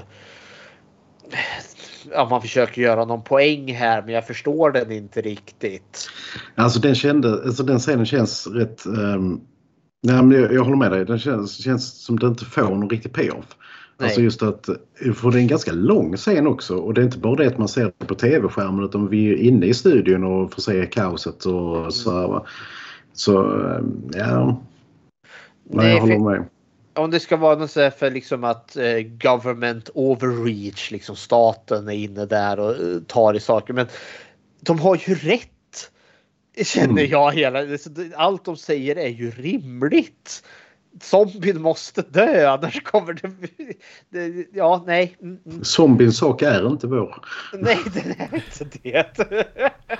Det, det, det låter som eh, in, eh, inledningen av eh, coronapandemin där. Bara, "Ja, men Kinas sak är inte våran. Ja. Nej, precis. Det händer bara där. Sen vet inte jag om det här är något kanske mer topical för just 70 eller slutet utav 70-talet i eh, Amerika. Om det liksom är någon. För jag vet eh, när man kollar lite alltså amerikansk media nu. Man tänker Donald Trump och liknande. Alltså de här olika Fox och CNN och allt vad det Mm. är. Det är ju väldigt mycket att de sitter och skriker på varandra. Så jag vet inte om det här redan fanns redan då på 78 där så.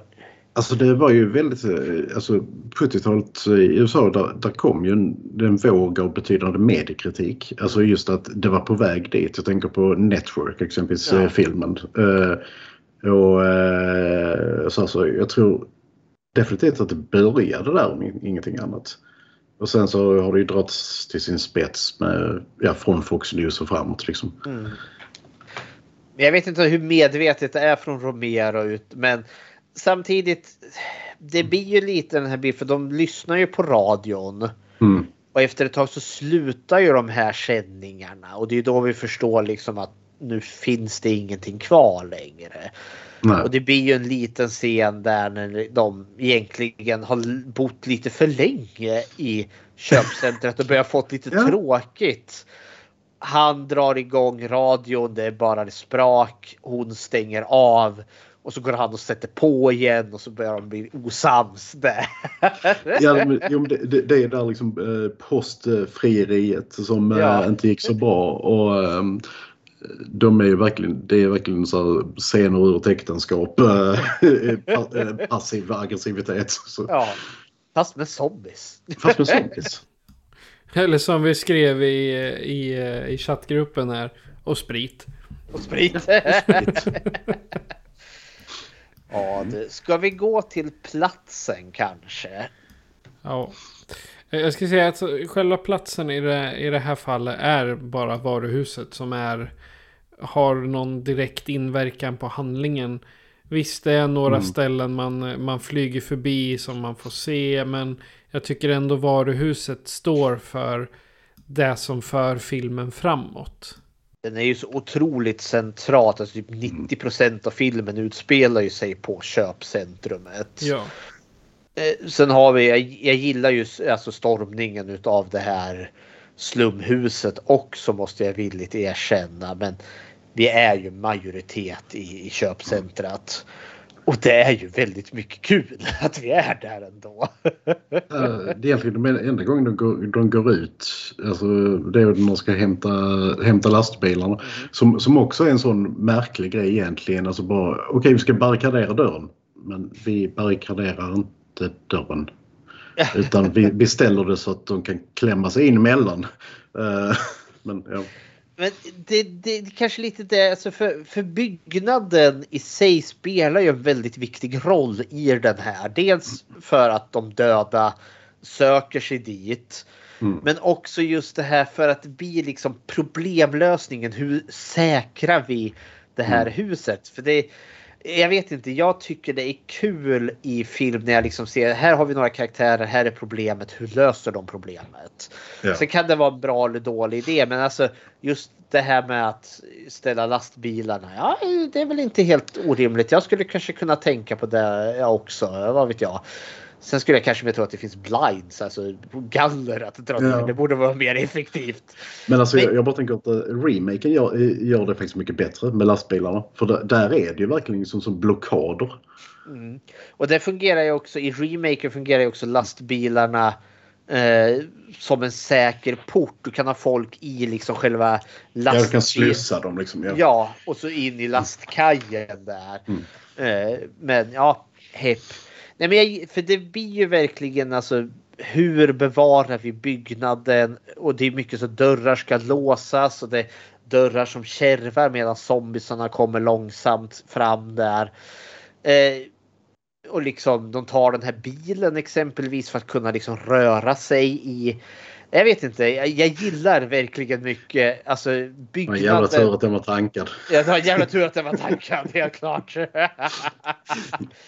Nej, men jag gillar liksom byggnaden sätter verkligen tonen i den här filmen och just att det spelar in. De bygger den där jävla väggen eh, och, och liksom.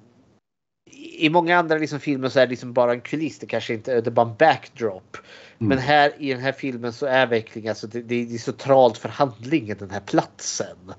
Jo, verkligen.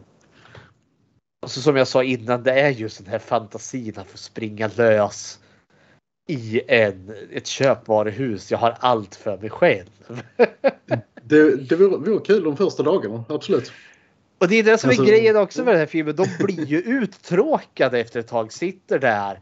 Och Peter, han är, säga, han är ju klädd. Han har jättefina kläder. Han har ringar på varenda Ja. finger. Och det är då de får den här passiva aggressiva scenen. De bara står och skriker på varandra för någon jävla tv-apparat där. Och de liksom, ja Mm. nej, det är inte värt någonting egentligen. Nej, alltså jag, eh, nej, eh, jag är bara förvånad över att eh, alltså Peter inte går upp liksom och bara, nej men nu ska jag blow off som Steam och, och göra lite prick, prickskytte här. För att Ja. alltså, det är ju världens bästa vantage point. Det är ju det. Det tar de ju med i remaken däremot. Ja. Där står de ju på taket och skjuter zombies. Så. Ja, de gör, gör väl eh, ett spel av det också. Bara, ja. Ja. du ser han där. Ja. Skjut Elvis! Ja, där är han! Ja. Det är Jay Leno lookalike. Rosie O'Donnell, blow that bitch away. Hej hopp. Ja, det, det, det man inte får, får med i den här filmen det är ju snubben på taket. Som är med i remaken. ja nej. Ja. Eh, Just. Ja, men det finns grejer som remaken faktiskt gör bättre än originalet Ja. tycker jag. Det, det är lite att svära kyrkan men jag, jag håller med. Och jag Ja. vill egentligen inte ty, eh, tycka det med tanke på vad jag tycker om Zack Snyder Ja. i, i 90% av fallen. Men Ja. I gotta give the devil his due. Alltså, Ja. Han gjorde den väldigt bra. Man får, man får väl trösta sig att eh, han var så eh, ny regissör där och det fanns väl liksom, han var ganska hårt hållen. ja, precis. Så liksom sen, eh, sen fick han fri vilja och då gick det inte bra. Vi ska aldrig ge Zack Snyder fri vilja. Det är, liksom, det, det, det är som Skynet liksom. det var dåligt. eh, jag vet inte, något jag gillade också när jag var yngre och såg den här. Så jag gillar den här. Det här kommer låta makabert, men liksom just det här. De här tomma ytorna när de ser de här parkeringsplatsen och de döda som Mm. släpar sig omkring det. Stora långa korridorer. Eh, och liksom det ligger någon död där, de skjuter någon. Något jag gillar också med den här filmen är att nu när jag sett om den, de är förvånansvärt konsekvent. Alltså när de har skjutit en zombie så ligger den död. Och så har vi en massa andra scener så kommer vi tillbaka till. Då ligger samma zombie fortfarande död där. Det, det är inte, för annars hade jag tänkt att det var lätt att liksom man skulle missa liksom tappa bort i liksom alla scener som är.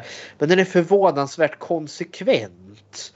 Där zombien ligger död, ja men där ligger den fortfarande kvar. Det finns en kontinuitet som jag varit lite förvånad över i den här filmen. Men det är Död ju, zombie ligger. Det är ju mera, mera verkligt än de här. De skjuter en zombie, springer några meter och sen vänder de sig om, då är den borta. Ja. Liksom för det är ju en sak som en del zombieserier missar. De dödar zombies på löpande band, något enormt. Men vart tar de vägen efter? Jo, de ligger där på gatan och ruttnar. Ja. ja men det är attention to detail som jag gillar. Det är likadant som ett problem med många slasherfilmer. När Jason har huggit ner någon. Jag vet, han, han bär iväg liken sen, helt klart. Så hugger han ner någon mitt i vardagsrummet. Ja, då kommer inte liket ligga kvar där. Men det är aldrig något blod där. Han har ändå så liksom bara yxat ner någon så att eh, blodet skvätter. Men Han, han är väldigt, eh, väldigt noggrann eh, mördare. han, har, Alltså, han, har en, han måste ha en liten mopp. Jag ser han står där liksom. Ja. Gnor fram och tillbaka. Och du vet, man måste samla upp allting, även blodet, till the big eh, reveal i slutet med the final girl. Så springer runt och upptäcker alla. Ah! Men så är det inte i den här filmen. Den är förvånansvärt konsekvent. Ska vi gå in till hotet? Ja, Ja. Le Zombie. Le zombie. Vi skulle ju haft ett zombiestön. Mör, Eller något sånt där. Har, eh, Det är väl när man blir uppäten av zombien. Ja. Totally. Eh, Totally. Zombien är ju onekligen hotet i den här filmen. Men det känns, Mm. och sen har vi ju plundrarna där på slutet. Men det är, det är lite mer av en afterthought. Alltså det känns som de...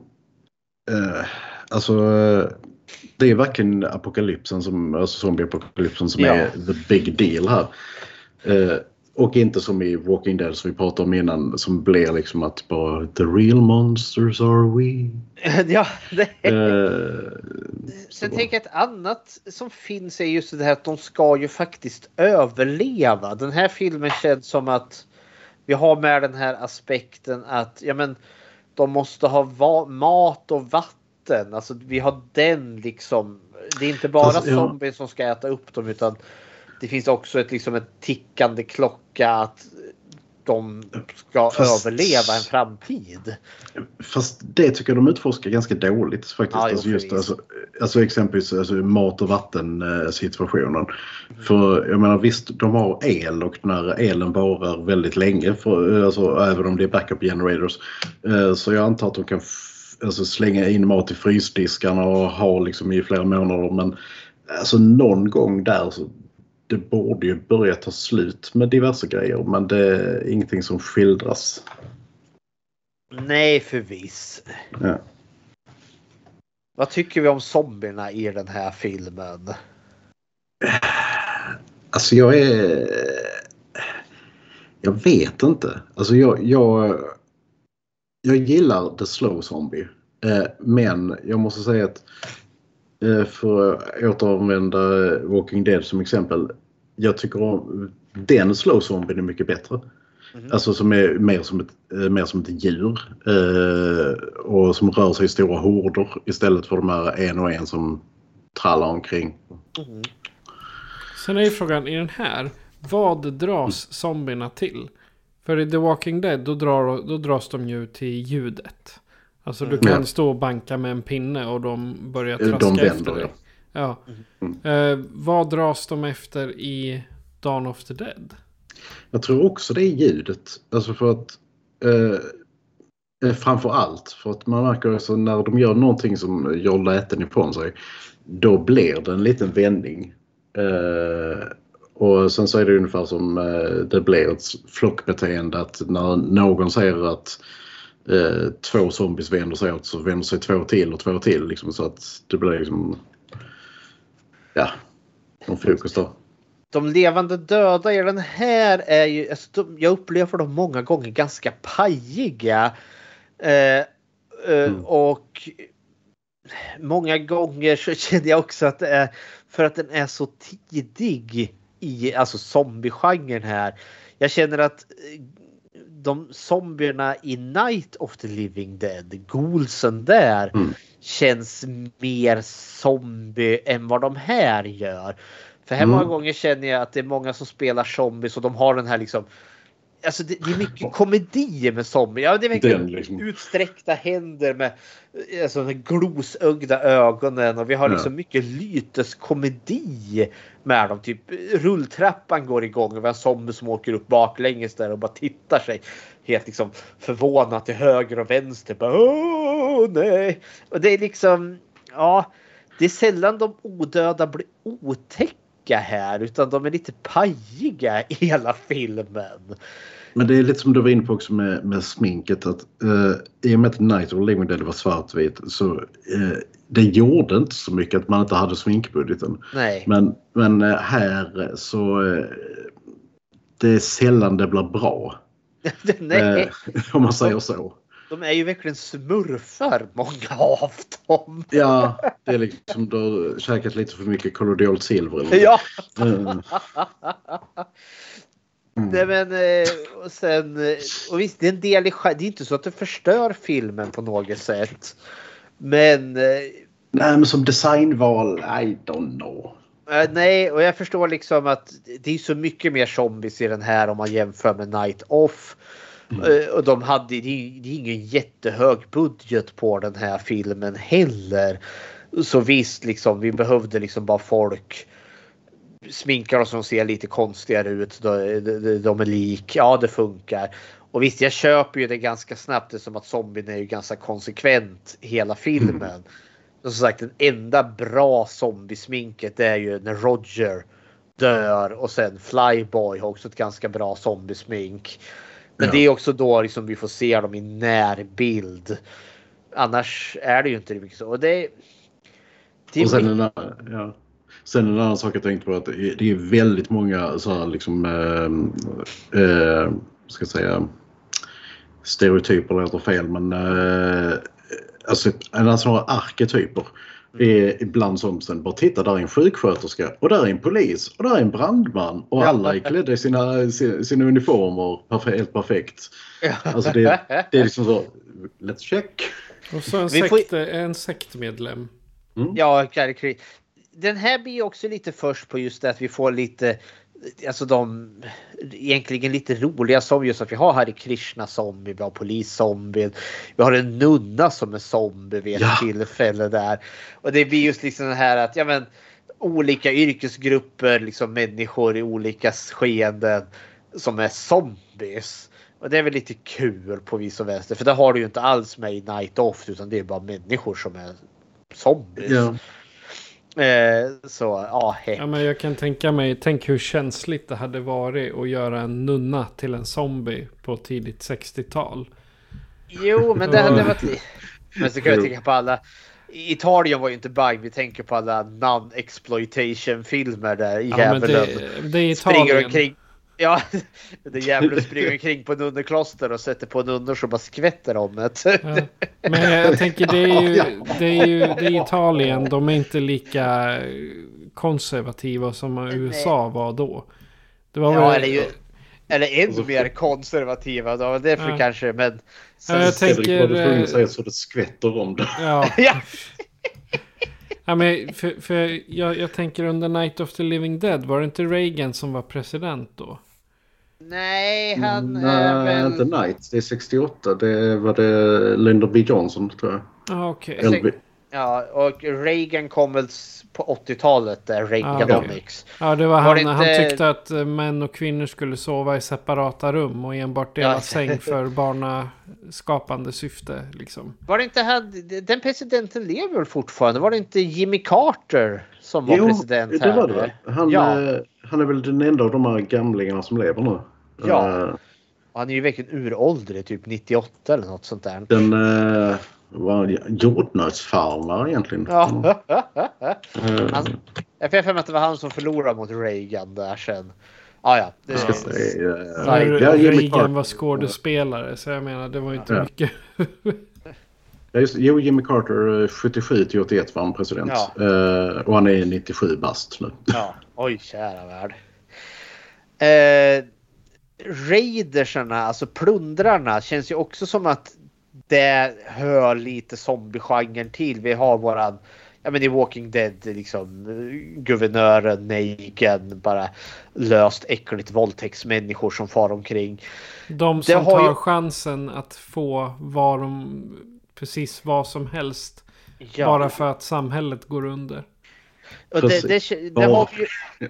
Ja, där har vi ju introt i den här filmen också. Men här känner jag väl... Alltså jag, när kom Mad Max? Eh, året efter faktiskt, 79. Jaha, se där. Då kan man ju inte skylla på det. Då kanske då det till och med har lite att göra med, med, med skapandet av Mad Max också, vad vet jag. Det, det, Men- det var samma sak eh, det, det jag sa innan. Att jag tror... eh, Jag, jag trodde The Hills Have Eyes. Första filmen kom efter Dawn of the Dead. Men den kom faktiskt året före. Eh, För Mm. annars hade ju de också kunnat haft en, en ganska bra inflytande på varandra. Jag tänker på mutanterna där. De är ju också ganska lika eh, Mm. Romeros senare zombies. För jag tänker plundrarna här, de är ju verkligen parodiska. Eh, alltså det, det, för att liksom vara förhärdade liksom raiders som liksom plundrar och mördar. De är väldigt komiska. Alltså det är som när han, eh, ledaren där, eh, en utav dem, när han ska försöka liksom tala sig in. Först för han pratar ju med dem över någon ja, högtalarsystem. Men han kan ju inte få resten av gänget för de sitter ju i bakgrunden där och fnissar som skolpojkar. när han Jag bara, sitter där och... hur, ja, precis, hur många är ni? Bara, ah, vi typ. Ja, ja, men det är liksom, de är väldigt pajiga och sen vad de också gör sen i filmen. Som en han som ska ha den här blodtrycksmaskinen. Liksom, och tycker nu han springer omkring med en skyltdocka så ska han in med armen i blodtrycksmaskinen. Och då kommer zombiesarna och äter upp han. Ja, eller, eller han som liksom, det, det är så jäkla, bra, han som snor tvn och så kommer den andra killen bara så What are you gonna watch on it? Och så Ja. bara släpper, släpper han och slår till en annan tv. Men det är också där som att, eh, vad är det, de hittar pajer och börjar kasta pajer i ansiktet på zombiesarna. Men här Där känner jag, liksom bara, ehm, ja. Det här är det säkert det, roligt när de gjorde det. Men... ja, och där känner jag liksom att nu, nu är det bara Romero som go- gone hog wild här. Det är liksom, för det, det är också så ett märkligt hot. För jag känner liksom i andra så här filmer med zombieapokalypser där vi har, jag tänker typ soldaterna i 28 dagar senare. Det är mer intensivt. Liksom. De är instabila. Man förstår liksom, oh herregud, det här, jag kommer bli megamördad av de här människorna. Mm. Men det, De- det är hela det där liksom, eh, alltså de olika styrelseskicken i miniatyr. Alltså vi, vi, vi har ju liksom eh, det halvt och halvt demokratiska samhället alltså av de, de fyra överlevande där inne. Alltså de jobbar tillsammans och de tar hjälp av sina färdigheter. Sen har vi den totala anarkin med raidersen. Och sen så är det 28 dagar senare så har vi liksom eh, fascisterna eh, bland soldaterna. Liksom Ja. Verkligen might is right. Så ja. Ja, ja, det, är, ja, det är ändå så om jag ska sammanfatta. Det, är- det är fascinerande vad mycket allt kommer från den här filmen. Även om jag inte känner att den kanske den här gör det på det bästa som det, den definitiva. Men det kommer definitivt ifrån den här filmen. Ja. ja. ja. Börjar vi bli klara? Är vi dags för slutorden här? Jag vill gärna höra Ulfs slutord först. Ja, så.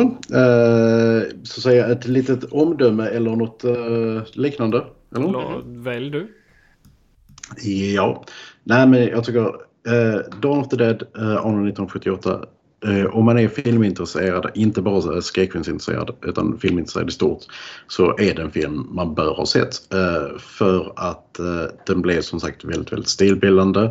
Eh, den, eh, och det är en central bit i en av de stora skräckfilmsregissörernas eh, ja, filmografi. Så eh, kanske inte den allra bästa som så. Eh, men så pass klassisk. För klassisk behöver inte innebära att den, defin eh, den defin definitivt bästa. Men så pass klassisk så att man bör ha den på sitt CV. Men jag är villig att hålla med här. Alltså det här är en sån tydlig milstolpe i filmhistoria. Eh, där man känner så mycket kommer härifrån och det har påverkat så mycket. Och jag kan tänka mig att som filmskapare har man kanske mycket kul att hämta här för jag upplever att när jag sett recensioner på Youtube och liknande, de som är mest glada till den här filmen brukar vara de som gör sina egna små kortfilmer. För att jag tror man kan hitta väldigt mycket gemenskap i typ ja, men Romeros amatör liksom mässiga filmande. Alltså han är proffsig men det, det, finns liksom ett... Det märks att det inte är en filmstudio som har gjort den här filmen mm. utan att det är ett mycket mindre gäng, mer independent gjord film. Eh, och det har sin charm. Eh, precis som, ja men, som Halloween med John Carpenter. Också så här lågbudget amatörprojekt som blir en enorm milstolpe. Så är den här samma sak. Och jag säger som du eh, Gustav att eh, det här, nej Gustav nu ska du få höra Ulf! Herregud, förlåt! Åh, måste jag berätta för Gustav sen. ja. nej men eh, att som sagt det är kanske inte den bästa filmen men den är fortfarande väldigt väl värd att se. Och liksom är man filmintresserad så tycker jag liksom ser den. ja, det är mina slutord. Ja, jag skulle säga att eh, Dawn of the Dead 78 är inte min favorit. Långt ifrån. Den ligger väl ja, ganska långt ner på listan över de 50 första filmerna jag skulle välja att rekommendera till någon. Men som ni, eh, så, eh, och jag upprepar som ni sa, den är väldigt stilbildande. När man tittar i zombiefilmer längre fram eller zombieserier eller vad som så hittar man delar från Dawn of the Dead lite överallt. Men vi pratade om Fear the Walking Dead i början. Hur många små boenden bygger de inte upp? Med, de är på en idrottsarena, de är på en ranch. Och alla ställen så bygger de upp eh, lotar och skyddar. Och det är precis så de gör i Dawn of the Dead. De bygger in sig i en vägg i stort sett. Och så gömmer de sig och samlar mat. Och, och så kommer ett hot för, för dem. Det vill säga eh, de eh, plundrarna. Som i sin tur åker på det på grund av zombisarna. Och det är också en grej som händer i må många, många zombiefilmer. Att ja, men vi ska ta era saker och mörda er.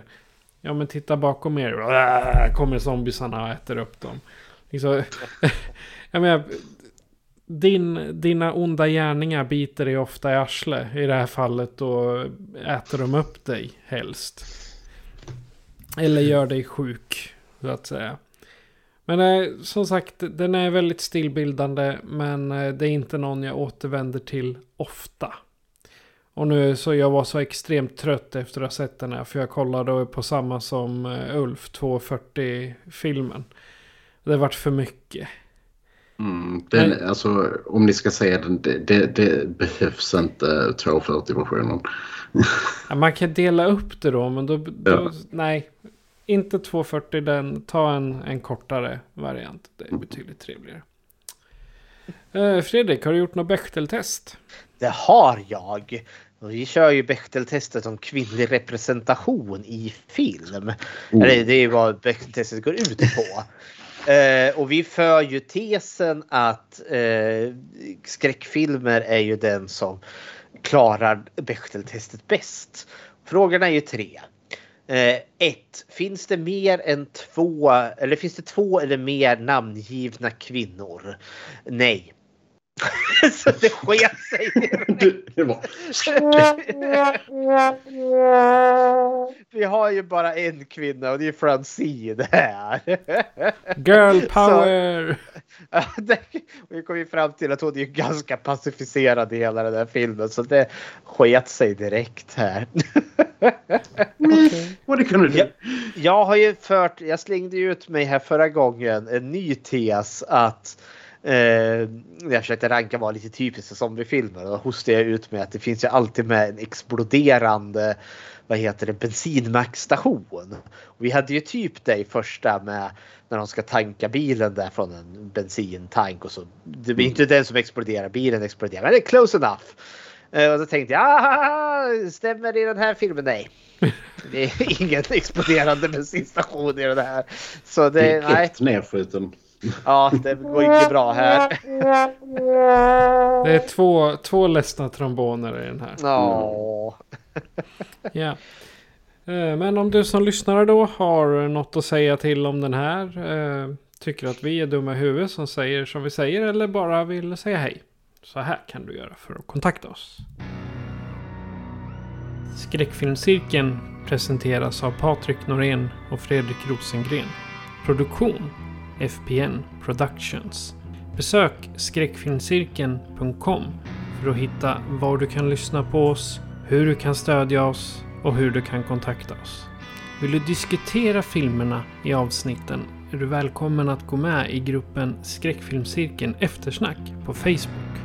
Tack för att du lyssnar.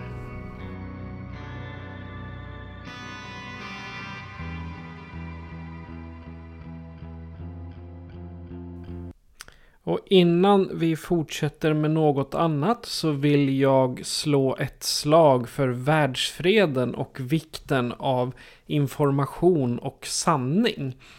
Och där ska jag nämna exempelvis alla Based on a True Story-filmer som vi har. Och för att kunna få till sådana filmer och ja, för att vi ska veta vad riktig information är så behöver vi reportrar och vi behöver journalister. Och det finns ett, en organisation som hjälper journalister och reportrar som exempelvis har blivit eh, tillfångatagna eh, om de blir eh, stämda eller liknande. Och de finns också på de platser där det är svårt att ta sig in. Jag pratar om Reportrar utan gränser. På vår Facebook-sida och på vår Instagram så har vi insamling till dem. Och jag vet att de har minst två, tre, fyra, kanske fem personer inne i Ukraina som försöker att rapportera från en av världens farligaste platser just nu.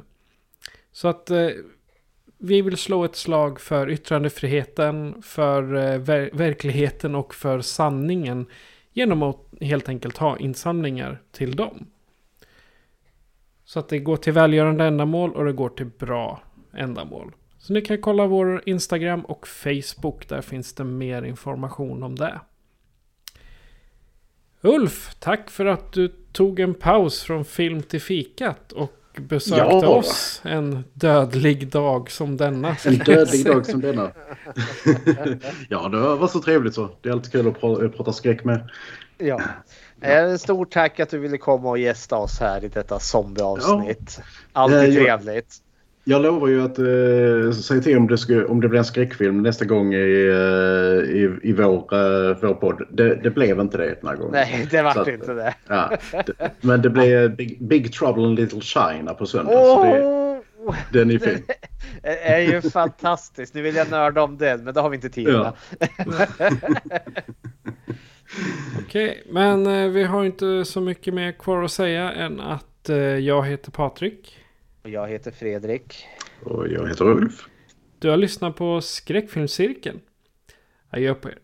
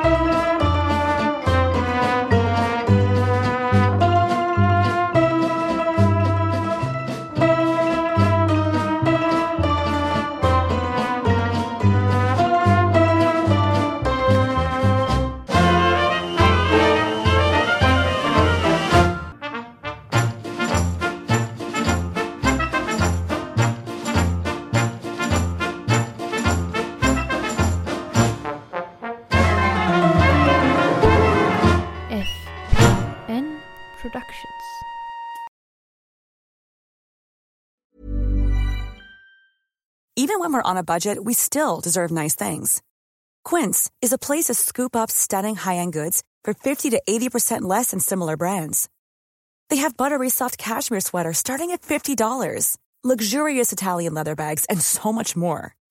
Plus, Quince only works with factories that use safe, ethical, and responsible manufacturing. Get the high-end goods you'll love without the high price tag with Quince. Go to quince.com slash style for free shipping and 365-day returns.